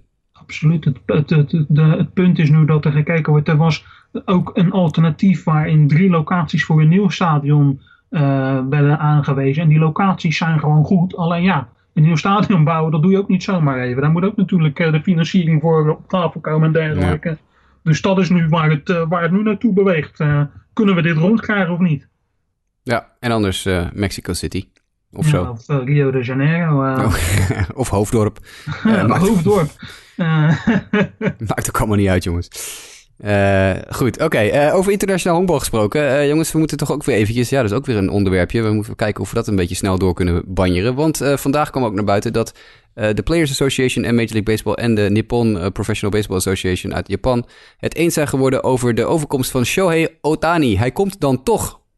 Ja, mooi hè. Hij, hij, hij slaagt als, als Babe Ruth. Hij is een shortstop als Andrelton Simmons. En hij is een pitcher als Clayton Kershaw. Nou ja, stuur de rest van de MLB wel naar, naar huis. We gaan alleen nog maar naar hem kijken, eh, lijkt me. Ja, inderdaad. Nee, de situatie Nee. eh, is nu als volgt dat hij eh, voor 20 miljoen dollar gepost mag worden door de Nippon Ham Fighters. Koop. Eh, ja, koop je Ja, inderdaad. absoluut.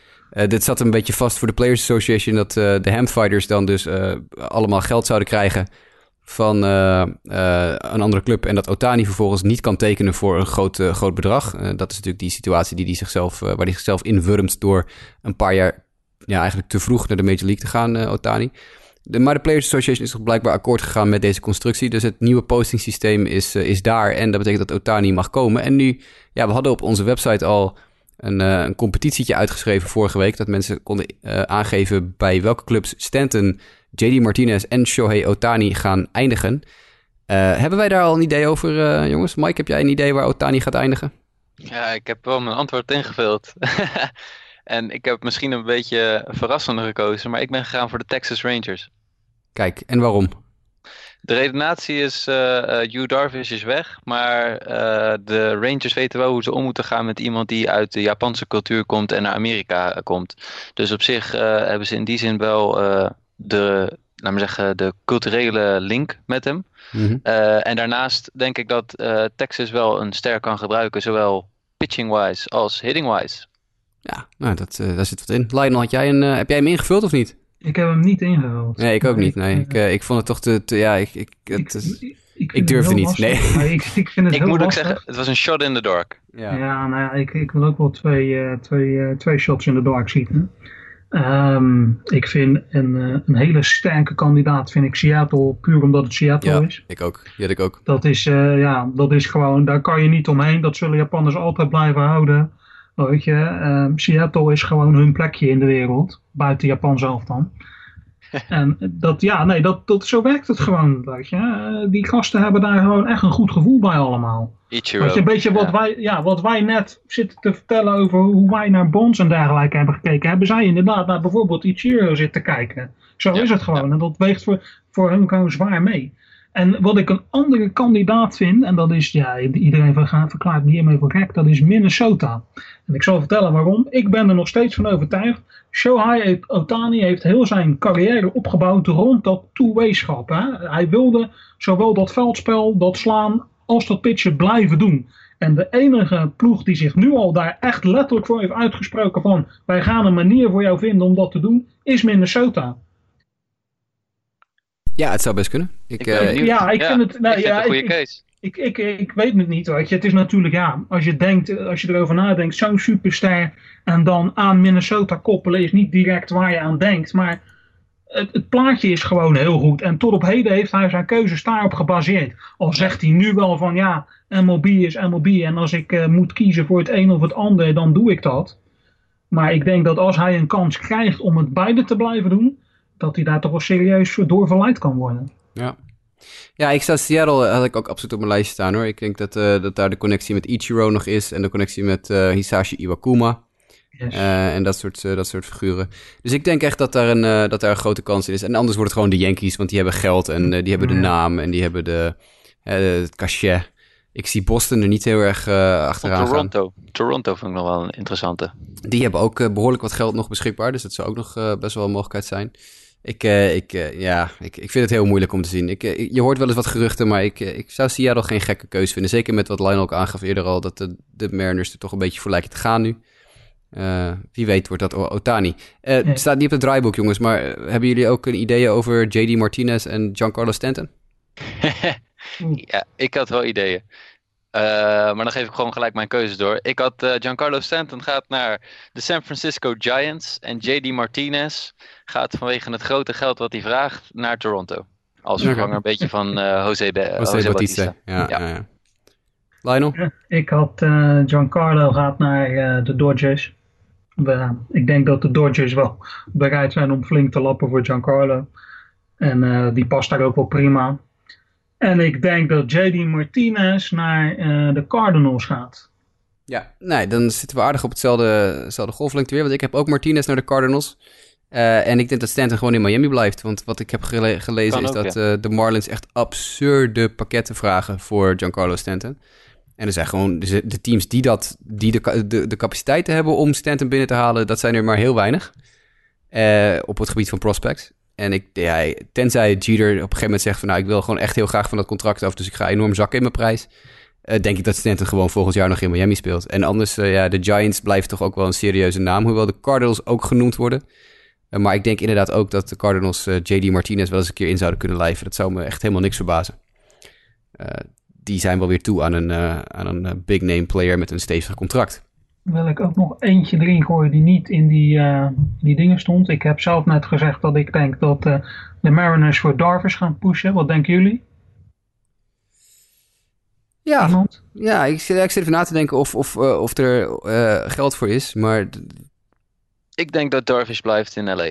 het, het zou mij ook niet verbazen. Oké. ik, het, De Cubs zie ik ook misschien nog wel in voor Darvish gaan, maar dat is die discussie die we al eerder hadden. Als ze dan, of ze dan uh, Jake Arrieta laten gaan en voor hetzelfde geld Darvish halen. Dat weet ik niet of ze dat doen. Dat is ook nog wel een goede, ja. Maar uh, ja, nee, het, het, zou kunnen. Ik, uh, ik, ik vind het heel moeilijk om die markt te zien. Hè. Pas als er een paar spelers uh, gecontracteerd worden, dan kunnen we ook een beetje inschatten wat spelers kunnen krijgen. Want Martinez, JD Martinez kan bijvoorbeeld wel 200 miljoen vragen, maar of hij het gaat krijgen is een tweede. Ja, dat is ook zoiets, ja. Dus uh, pas als de markt gezet wordt door een paar spelers, dan hebben we daar uh, meer een beeld van. En dat is ook de reden dat de laatste paar seizoenen steeds vaker spelers laat pas in het offseason een nieuwe club vinden. Hè. Dus in januari pas, of soms zelfs pas in februari een contract tekenen omdat iedereen een beetje naar elkaar zit te kijken van... ja, hoeveel geld geef jij aan die speler? Dan weet ik ongeveer hoeveel geld ik voor die speler moet neerleggen, weet je wel? Dat, uh, maar niemand... zeven, een zevenjarig contract en 210 miljoen dollar voor JD Martinez...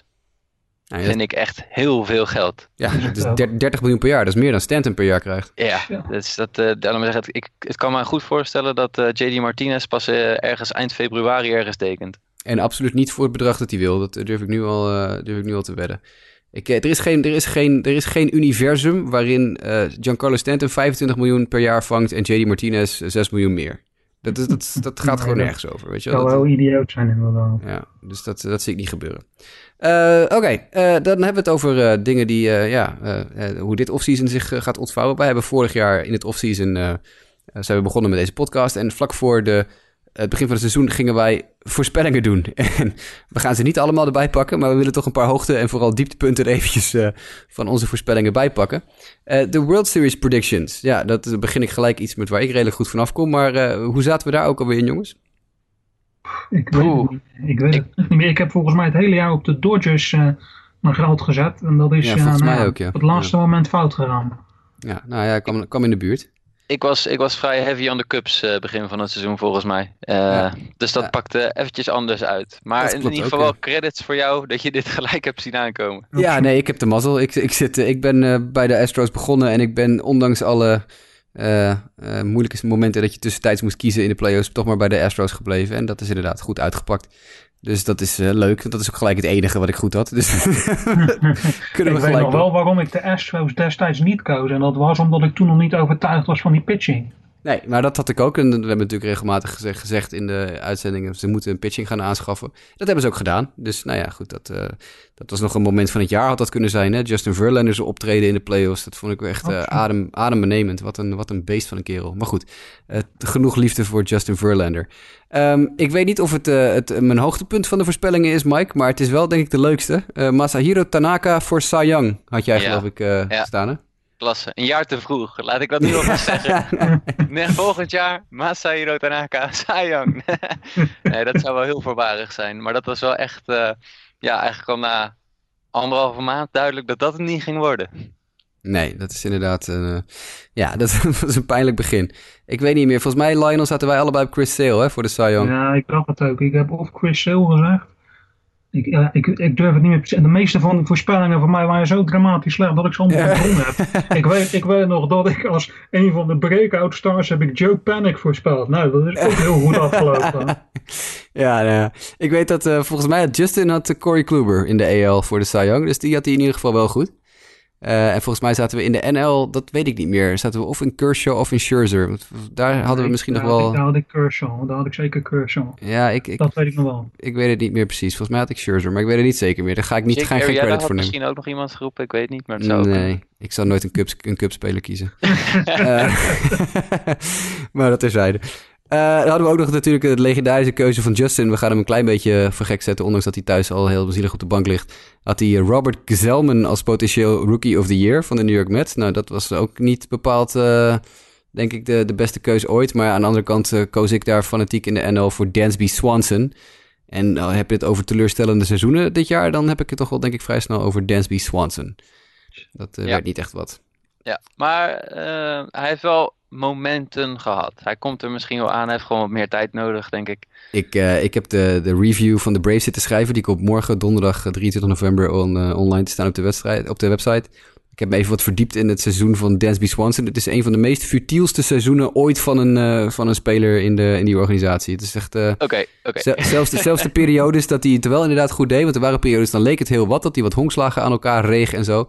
Het waren allemaal eh, singeltjes. En nee, het, het was, het was niet om over naar huis te schrijven. Het is, het is wel zo dat we hadden ook nog gezegd onderling resultaat. Hè? Xelman tegen Swanson. Wie, wie denk je dat gaat winnen? Ja, En dat is toch nog steeds wel Robert Xelman. Nou, moet je dus, nagaan. eh, En die had echt een dramatisch seizoen. Dus wat dat Ja. betreft... eh, 13 at-bats en uiteindelijk één hit van Swanson en één strikeout. Slaggemiddelde van 0,77 of eh, punt 0,77. Ja, nee, ja, goed, oké. Ja, we zitten er wel eens naast. Hè. Die breakout start Joe Panic was er ook. En je, je weet natuurlijk wie je had moeten kiezen, eh, Lionel. Je had natuurlijk gewoon voor Scooter Jeanette moeten gaan als breakout star voor, eh, Beetje net, ja. Toen 2007. zei ik ook van, toen, eh, toen Mike mij vroeg, eh, denk je dat hij zijn record van 10 home runs in een seizoen gaat verbreken? Toen zei ik ook, Ja, ja, ja. dat gaat hem niet. Het zijn deze vier en dat blijft erbij. Ah, ja, man. Ik wil, ik wil nog wel één ding zeggen. Een paar jaar geleden was ik in Milwaukee om, eh, om een wedstrijd van de Brewers te kijken. En we hadden het net over spelers waarvan je dan blij bent dat je ze hebt kunnen zien. Hè?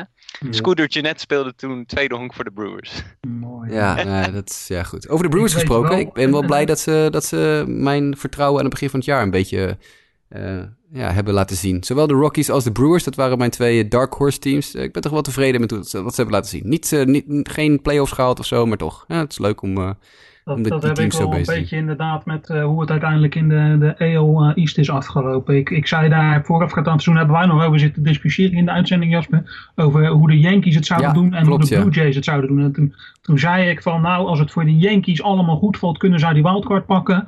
En van de Blue Jays verwacht ik dit jaar niet zoveel. En dat is uiteindelijk toch ook inderdaad wel uitgekomen. ja, dat is ook Dus een je, van je, mijn je grote ziet het maar, sommige dingen kan je goed zien en sommige dingen slaan helemaal nergens op. Dat is... eh, Kijk, kijk naar de AL West. Wie had van ons LA op 2, Seattle op 3 en Texas op 4? Nee, dat denk ik ook niemand. Nee, Nee, dat, nee. eh, nee inderdaad, de Yankees, daar zat ik ook goed naast. Want daar was ik behoorlijk eh, sceptisch over aan het begin van het seizoen. Dat eh, had ik niet helemaal gezien wat, eh, wat Girardi daarvan gesmeed had. En ik had ook Aaron Judge zijn breakout natuurlijk niet zien aankomen. Maar dat hadden we allemaal eigenlijk niet. Want in de AL gingen we geloof ik allemaal als een beetje voor Andrew Benintendi hè, als Rookie of the Year. Ja, dat zou goed kunnen, ja. Ja, dat is ook niet, niet helemaal Nee, uitgekomen. nee. Wel een redelijk seizoen hoor. Niet, eh, geen slecht seizoen, maar absoluut niet iets wat tegen Aaron Judge op kan, eh, wat dat betreft. Ja, jongens, eh, voorspellen is ook maar een beetje doen alsof je ergens verstand van hebt en het heel overtuigend brengen natuurlijk. At the time, it was an educated guess. Juist, precies. Nou ja, goed. En we gaan het gewoon volgend jaar, het begin van het seizoen, weer doen. Want ik bedoel, we zijn altijd gek op dingen voorspellen. En dan zullen we het even wat beter bijhouden. Want ik heb nu geen idee meer wan- wanneer en hoe we dat gedaan hebben. Om het allemaal terug te gaan zoeken in de podcast-archieven. Daar heb ik niet zo heel veel, heel veel zin in. Ehm, zijn we bijna, bijna aan het einde van dit, eh, dit blok nieuws en notes. Lekker lang. We gaan gewoon lekker lang door. Maakt het allemaal uit, jongens. Het is toch eh, woensdagavond. Ehm, want er was nog een klein rondje internationaal baseball wat we even af wilden gaan, eh, Lionel. En dat ben jij. jij bent de man van de internationale situaties. Dus wat wil je hier nog even voor het voetlicht brengen? Een paar kleine dingetjes die, eh, die internationaal spelen, die wel betrekking hebben op de MLB. Eh, in, de, in, de, in de schaduw van eh, Shohei Otani komt er nog een Japanner waarschijnlijk naar de MLB. Dat gaat dan over, ik moet even, even klikken om zijn naam goed te zeggen. Hoe heet deze man? Ja, Yoshihisa Hirano. Nou had ik het ook gewoon bij Hirano kunnen houden. Maar hoe dan ook. ehm, dit is een, een, een al wat oudere jongen. Hij is, hij is 33. En ehm, zowel eh, Boston als eh, eh, de Cardinals zijn in hem geïnteresseerd. Het is een, een, pitcher, een, middle reliever is het. Hij heeft in 12 jaar tijd heeft hij 156 saves op zijn naam staan. Zijn topjaar was 2014, toen had hij er 40. Een, een, een, een carrière IRA van 3.10. Het is wel een aardige jongen. Hij is free agent geworden. En dit is zijn enige kans min of meer om nog naar de MLB te komen. En die hoopt hij te pakken. Dus eh, we gaan het zien. Komt hij eh, naar, naar Boston of naar eh, St. Louis? Dat is de vraag. Een ander dingetje wat ik even kort wilde aanstippen is dat de, de MLB in het regular season volgend jaar naar Mexico gaat. Dan gaan de Padres tegen de Dodgers spelen in, in Mexico. Van 4 tot 6 mei spelen ze daar een series tegen elkaar. Ook altijd leuk. En zeker ook met het oog op wat er misschien komen gaat met dan wel een expansie, dan wel een verhuizing van een van de teams die het eh, niet langer kan houden in de huidige accommodatie. Ik denk ook een goede keuze om die twee franchises die kant op te sturen. Dat denk ik ook, ja. Ik denk dat eh, dat, dat wel teams zijn die, eh, die het daar goed kunnen doen. En niet Ja. in de laatste plaats omdat eh, Los Angeles natuurlijk een aantal eh, Mexicanen onder de hoede heeft. Zowel geboren Mexicanen als genaturaliseerde Mexicanen. Dus uh, dat is sowieso interessant. Ja, en de Padres is natuurlijk sowieso een, een, een team wat in, in, in het Latijn sprekende deel van de wereld gewoon goed aanspreekt. Altijd al geweest ook. Um, wat heb ik nog meer? Oh ja, de, de, dit is een, een beetje een zijsprong, maar toch wel interessant om in de gaten te houden. De, de ABL, de Australian Baseball League, gaat uitbreiden. Die gaan, dat is in 2010 is dat nieuw leven ingeblazen door de MLB. Ik weet niet of jullie het een beetje volgen, de ABL. Ik vind het nog wel interessant soms. Um, maar zij hebben sinds 2010 hebben zij uh, met zes ploegen gespeeld. En dat worden er volgend jaar acht. Komen er twee bij. Uh, waar die komen, dat wordt in de komende, maanden, komende maand wordt dat beslist in december. Uh, een goede kans hebben daarin, en dat is wel belangrijk, is Nieuw-Zeeland. Nieuw-Zeeland in Auckland. Um, en zij hebben al aangekondigd dat mochten zij een van die twee plekken te pakken krijgen van die expansion, dat zij uh, zich gaan liëren aan de organisatie van de Padres. Want er waren meerdere teams ge geïnteresseerd om dat te doen. En uh, zij hebben aangegeven van als wij die plek pakken, dan gaan wij met de Padres samenwerken. Nou is die samenwerking met de MLB sinds dit jaar wat minder sterk dan dat die in het verleden was. Maar het is nog wel nog steeds de bedoeling dat die banden blijven bestaan. Dus in dat opzicht is het wel interessant dat dit dan al gecommuniceerd wordt. Uh, en tot slot, uh, de Olympische Spelen, dat is natuurlijk dat is al een tijdje gaande. Maar dat plan lijkt wel redelijk gesmeed te zijn nu. Dat gaan zes teams worden, waarvan Japan er sowieso één is. De winnaar van de, de Premier 12, de tweede. En dan blijven er vier plekken over, waarvan er twee naar het uh, gecombineerde, of naar één gecombi naar het gecombineerde gebied Europa-Afrika. één naar het gecombineerde gebied Oceanië-Azië. En twee naar het gecombineerde gebied Noord- en Zuid-Amerika gaan. Dus nou ja, vul maar in wie dat ongeveer zouden kunnen gaan worden. En dat was eigenlijk alles wat ik internationaal te melden had. Ja, het zijn leuke ontwikkelingen. Ik denk dat het toch zeker iets is wat we steeds meer in de gaten gaan houden. Nu MLB ook uh, ja, aan het verspreiden is over de wereld. Uh, interessante dingen, Lionel. Het blijft toch altijd prettig om van jou te horen hoe het de internationale honkbalwereld staat. Dat we ook een beetje boven of buiten de grenzen kijken in ieder geval dat is ons laatste ja, nieuwsje en nootje eigenlijk uh, voor, deze, voor dit moment. We hadden nog op de, de rol staan hier terugblik op het seizoen, hoogte- en dieptepunten. Ik denk dat we als sprekenderwijs toch het meeste wel gehad hebben. Dus, de, uh, de, enige die we nog te gaan hebben is eigenlijk Bronson Arroyo. Oh ja, Lionel zou nog wat zeggen over Bronson Arroyo. Ja, dat hadden we geloof ik in aflevering 26 beloofd, hè? Dat je dat nog even iets... Uh... Bronson Arroyo. Nou, vooruit dan maar. Wat zal ik zeggen? Kijk, het was natuurlijk mooi voorafgaand aan het seizoen dat, dat ineens uit het niets, uh, als een soort, uh, een, een, een soort uh, hoogtepunt van een, van een slechte Hollywood B-film, ineens Bronson Arroyo van achter de geraniums werd getrokken en weer terug in, in, in de Reds-organisatie kwam. Dat hadden we ook wel nodig natuurlijk, maar ja, het, eerste hoogtepunt, uh, het eerste hoogtepunt was toen hij voor het eerst naar de heuvel uh, liep. En uh, het tweede hoogtepunt was toen hij nooit meer terugkeerde daarna. Want echt veel was het natuurlijk niet. Het is natuurlijk eigenlijk wat dat betreft wel een beetje een smetje geworden. Als je kijkt wat hij in het verleden voor de Reds betekend heeft. Hoe het dan nu afgelopen is. Dus ja, ja le leuk voor dit jaar omdat het verder toch een jaar van niks was. Maar ja, die man moet nu gewoon wat anders gaan doen. Tja, ja. we nemen afscheid van, van Bronson Arroyo. Ja. Um, hebben we eigenlijk maar twee dingen te doen. Op het, uh, mijn lijstje staat nog wat kunnen de luisteraars verwachten en de mensen die Sporten volgen in de komende paar maanden. Nou, dat is eigenlijk heel simpel jongens. We gaan er eventjes een paar weken tussenuit. Uh, dat zijn we natuurlijk al sinds de World Series ook al een klein beetje geweest. Maar we hebben even een kort breakje. Uh, we zijn er weer, denk ik, zo ongeveer afhankelijk wat er allemaal gebeurt rond de GM-meetings in december. Dat is over een week of drie, vier. maar dat hangt er een beetje vanaf hoe interessant die uh, GM-meetings zijn en hoeveel er getrade wordt. Als er natuurlijk heel groot nieuws is, nieuws is waar we echt even over moeten praten, dan zullen we kijken of we een podcastje kunnen plaatsen. Ik denk dat we zo eind januari, begin februari, vlak voor springtrading, ook nog eens een keer even wat uh, het off-season terugblikken. En de, ja, de vaste, het vaste regime aan podcast, één keer per week of misschien zelfs wel vaker. Dat is, ja ja, uh, teasertje, teasertje. Er wordt achter, uh, achter de schermen hard gewerkt aan de mogelijkheid om het misschien vaker dan één keer per week te gaan doen uh, in de komende uh, paar maanden. Maar dat gaan we allemaal zien. we beginnen we zo vlak voor het einde van spring training weer met een, ja, een nieuwe cyclus aan Just a Bit Outside. Um, En dan staat er nu op de outline, Jasper wil hier even wat zeggen.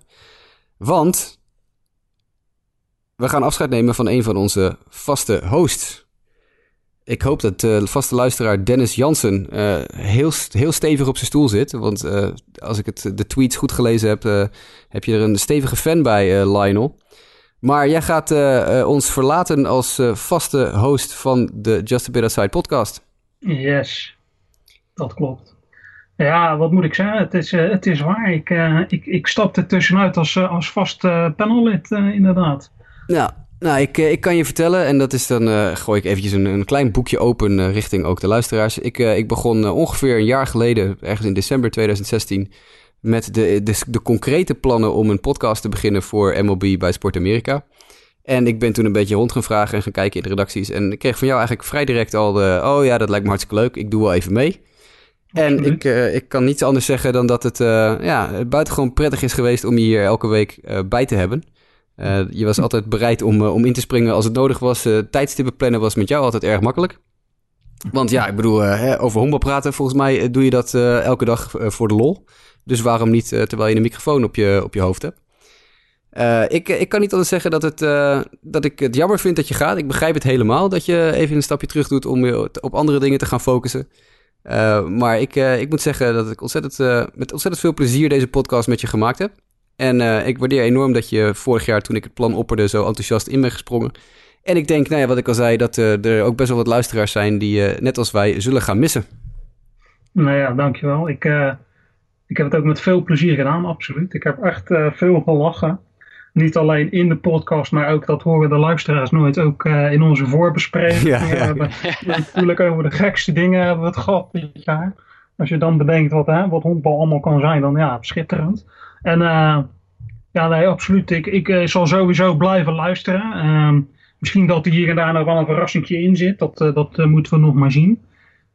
ik heb het met, met, ook met veel plezier gedaan. Ik vond het ook hartstikke leuk om zeg maar, het, het, ontstaan van, van deze podcast, dat je daar dan toch een, een rol in hebt kunnen spelen. Nou, hartstikke, hartstikke trots op ook hoe we dat gedaan hebben dit jaar. Ik vind ook dat we dat met z'n vieren vanuit het niets, allemaal zonder enige ervaring of zonder enig idee dat we dat nou, toch vrij snel, denk ik, goed onder de knie hebben gekregen. En ik denk dat, dat, dat jullie nog veel verder kunnen groeien in de komende tijd. Ja, nee, ik kan niet anders zeggen dan dat we, als we de, de, de luisterstatistieken erbij pakken, dat we denk ik voor een eerste seizoen waar we inderdaad een beetje met z'n allen zoiets hadden van, nou, we gaan dit gewoon doen en we zien wel waar het schip strandt, uh, best wel aardig gedaan hebben. Ik ben ook heel tevreden. Um, ja, ik, eh, ja, ik kan niet anders zeggen. Er is voor jou altijd een, een stoel eh, beschikbaar. Mocht je een keer aan willen schuiven, als je een keer tijd hebt, ben je van harte welkom om in te springen en gezellig weer eventjes mee te kletsen over het wel en wee van de Major League. Dus ik hoop dat je die uitnodiging in ieder geval op de backburner houdt. En als je een keer beschikbaar bent, zien we je graag terug. Of ja, vooral horen we je graag terug dan hoop ik wel graag dat het bijvoorbeeld op een, eh, op een zondagmiddag is als de als er ineens voorbij komt of iets dergelijks. Ja, ja, ja. we hebben de gekste dingen gehad wat dat betreft dit jaar. Ja, nee, nee absoluut. Als, uh, als er een mogelijkheid bestaat, uh, ik, ik, ik ga me wel op wat andere dingen richten, maar ik hoop nog wel ergens hier en daar wat vrije tijd te hebben. Dan, dan hoop ik zeker nog wel eens een keer als, als gast terug te kunnen keren, zolang jullie mij daarvoor voor willen hebben graag. Ja, nee, je weet het jongen, altijd. Je bent altijd van harte welkom, dus ik, uh, ja. ik ben voor. Ik sluit me niet anders uh, aan dan bij de woorden die zojuist uh, ook door Jasper gezegd zijn. Ik vond dat superleuk dat je er was en positieve, leuke gesprekken gehad. Interessante insights van de neef van Scooter Jeanette, om maar even zo te zeggen. Ja, ja. En en inderdaad, je, je wordt nu friend of the podcast, maar een ontzettend cherished one. Dus uh, we hopen je graag inderdaad nog, uh, wat mij betreft, ook uh, vaker als, als frequent guest of iets dergelijks nog eens terug te horen hier. Ja, mooi. mooi. Ja. Dat, zou, dat zou ik ook leuk vinden, absoluut. Ja, ontzettend bedankt man. Um, Mike, ja, ik sluit het ook met jou even af. Jij komt wel terug. Jij blijft gewoon uh, ook volgend seizoen weer uh, onderdeel van onze vaste podcast crew. Dat uh, waardeer ik ook enorm, want ook jouw enthousiasme heb ik uiteraard enorme prijs gesteld toen we deze boel, deze, deze missie inknalden. je was... keep the show running, right? Ja, zo is het wel, toch? je, je, was vrij nieuw bij Sport Amerika toen we hiermee begonnen. En je bent toch meteen erin gesprongen. Dat heb ik altijd heel erg gewaardeerd. Zo van, ja hoor, ik doe wel mee. Dus dat was, was ook erg prettig. Maar ik vind het fijn dat je blijft. Dus dan kunnen we volgend jaar weer op deze voet verder. Ehm, voor zover mij bekend blijft Justin ook in zijn, in zijn huidige capaciteit, namelijk uh, host als hij er is en uh, ja, uh, in onze gedachten als hij ziek, zwak, misselijk of druk met andere dingen is. Want dat is vooral het laatste is het geval bij, bij Justin. Die is regelmatig de hort op. Zeker wanneer wij opnemen, bijvoorbeeld in het weekend, dan is hij regelmatig elders te vinden. Maar ook Justin wil ik uiteraard vanaf deze plek bedanken voor al zijn hulp en inzet bij deze podcast. Um, ja, het was een geweldig jaar, jongens. Niet alleen op honkbalgebied, maar ik denk dat we ook met Sport Amerika iets neer hebben gezet waar we best trots op kunnen zijn met z'n allen. Uh, de website uh, volledige doorstart gemaakt, hele make-over gehad halverwege het seizoen. Uh, ja, nieuwe mensen binnengehaald. Er worden ook nu nog steeds mensen geronseld. Dus als je ook nog zoiets hebt van ik wil ook voor Sport Amerika schrijven, mail dan even naar info.sportamerika.nl. Want we kunnen altijd mensen gebruiken. Want we zijn zo hard aan het groeien op dit moment dat we bijna de content niet meer aankunnen met z'n allen. Uh, dus als je er interesse in hebt als, als luisteraar, je denkt, hey, ik wil ook wel wat meedoen. info.sportamerika.nl kan je even met Justin of zo mailen. En dan uh, ja, wie weet kan je ons team versterken. Want nu moeten we ook op zoek naar een nieuwe Lionel. Nou ja, goed, dat uh, gaat natuurlijk nooit Die vind je niet. Nee. Die vind je niet. Die vind je niet. nee, alleen al waar ga ik iemand vinden die zoveel van internationaal honkbal weet? Dat, dat, dat gaat echt gewoon niet lukken. Dus dat, dat, misschien moeten we daar maar een periodiek uh, segmentje van maken. Dat je eens in zoveel tijd ons even bijpraat over de wereld van het internationale honkbal. Want... Ja, uh, ik heb nog wel een leuk nieuwtje. Nog eentje, één laatste. Nou, dat, jij laatste, mag dat. Jij mag Eén laatste. Weet je wat een land is wat kans maakt om expansion van de World Baseball Classic te worden? Guam. Guam, ja, oké, okay. de Amerikaanse connectie. Ja. Daar komt het ook door. Juist omdat, is, want dat is natuurlijk hetzelfde als wat ze in principe in Nederland en in Israël hebben gedaan. Ze hebben jongens die de opleiding in Amerika of die omliggende gebieden hebben gehad, uh, die ze onder die nationaliteit kunnen inzetten. En daarom is dat een interessante uh, optie voor de MLB. Ja, ik, uh, ik, uh, ik vind het leuk. Ik ben altijd voor de uitbreiding van dat soort dingen. Fijn dat je op de valreep, nadat we uh, emotioneel afscheid hebben genomen, toch nog eventjes de reporter het opzet en, en eventjes wat nieuws in de groep gooit. Dat is denk ik wel tekenend voor onze podcast, dat we altijd chasing the news zijn. Ik denk dat we de opvolger niet gaan zoeken op Kwam. Nee, ik denk... nee, nee, nee hoog... Zone technisch niet de meest slimme optie. Nee, hooguit, uh, hooguit in, de, in de, de regio Rotterdam of zo. Want daar schijnen ja. ze vandaan te komen allemaal. Ja. Um, jongens, ik, ik ga er een eind aan breien. Dit was de laatste aflevering van officieel van het seizoen 2017 van uh, Sport Amerika's MLB podcast Just a Bit Outside. Uh, ja, dit was hem. Dit is 35 afleveringen lang hebben we het volgehouden. En nu gaan we even een paar weken op break, op vakantie. En dan komen we in 2018 of vlak voor 2018 weer terug. En dan gaan we het weer opnieuw doen.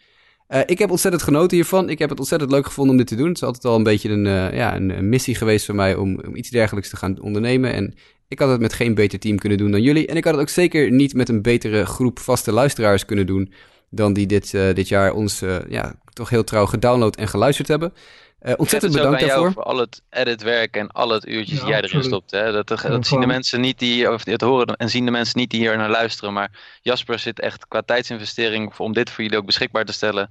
Uh, enorm uh, veel uh, daarin te investeren. Dus ook credits aan jou daarvoor, Jasper. Hartstikke bedankt daarvoor. Iets, ietsje meer dan enorm veel. Op vakantie ja. en midden Precies. in de nacht. En ja.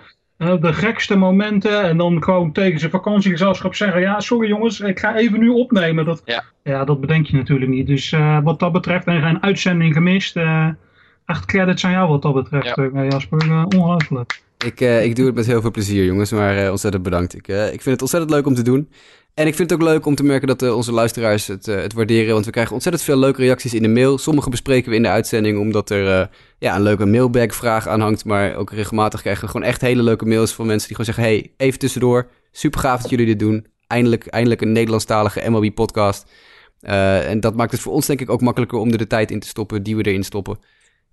want ja, we weten dat het gewaardeerd wordt. En we hopen dat we kunnen gaan uitbreiden volgend jaar. Dat we de, de luistercijfers ja, kunnen laten blijven toenemen. Dus ook vaste luisteraars, vertel het aan iedereen in je omgeving die een beetje geeft om Amerikaans honkbal.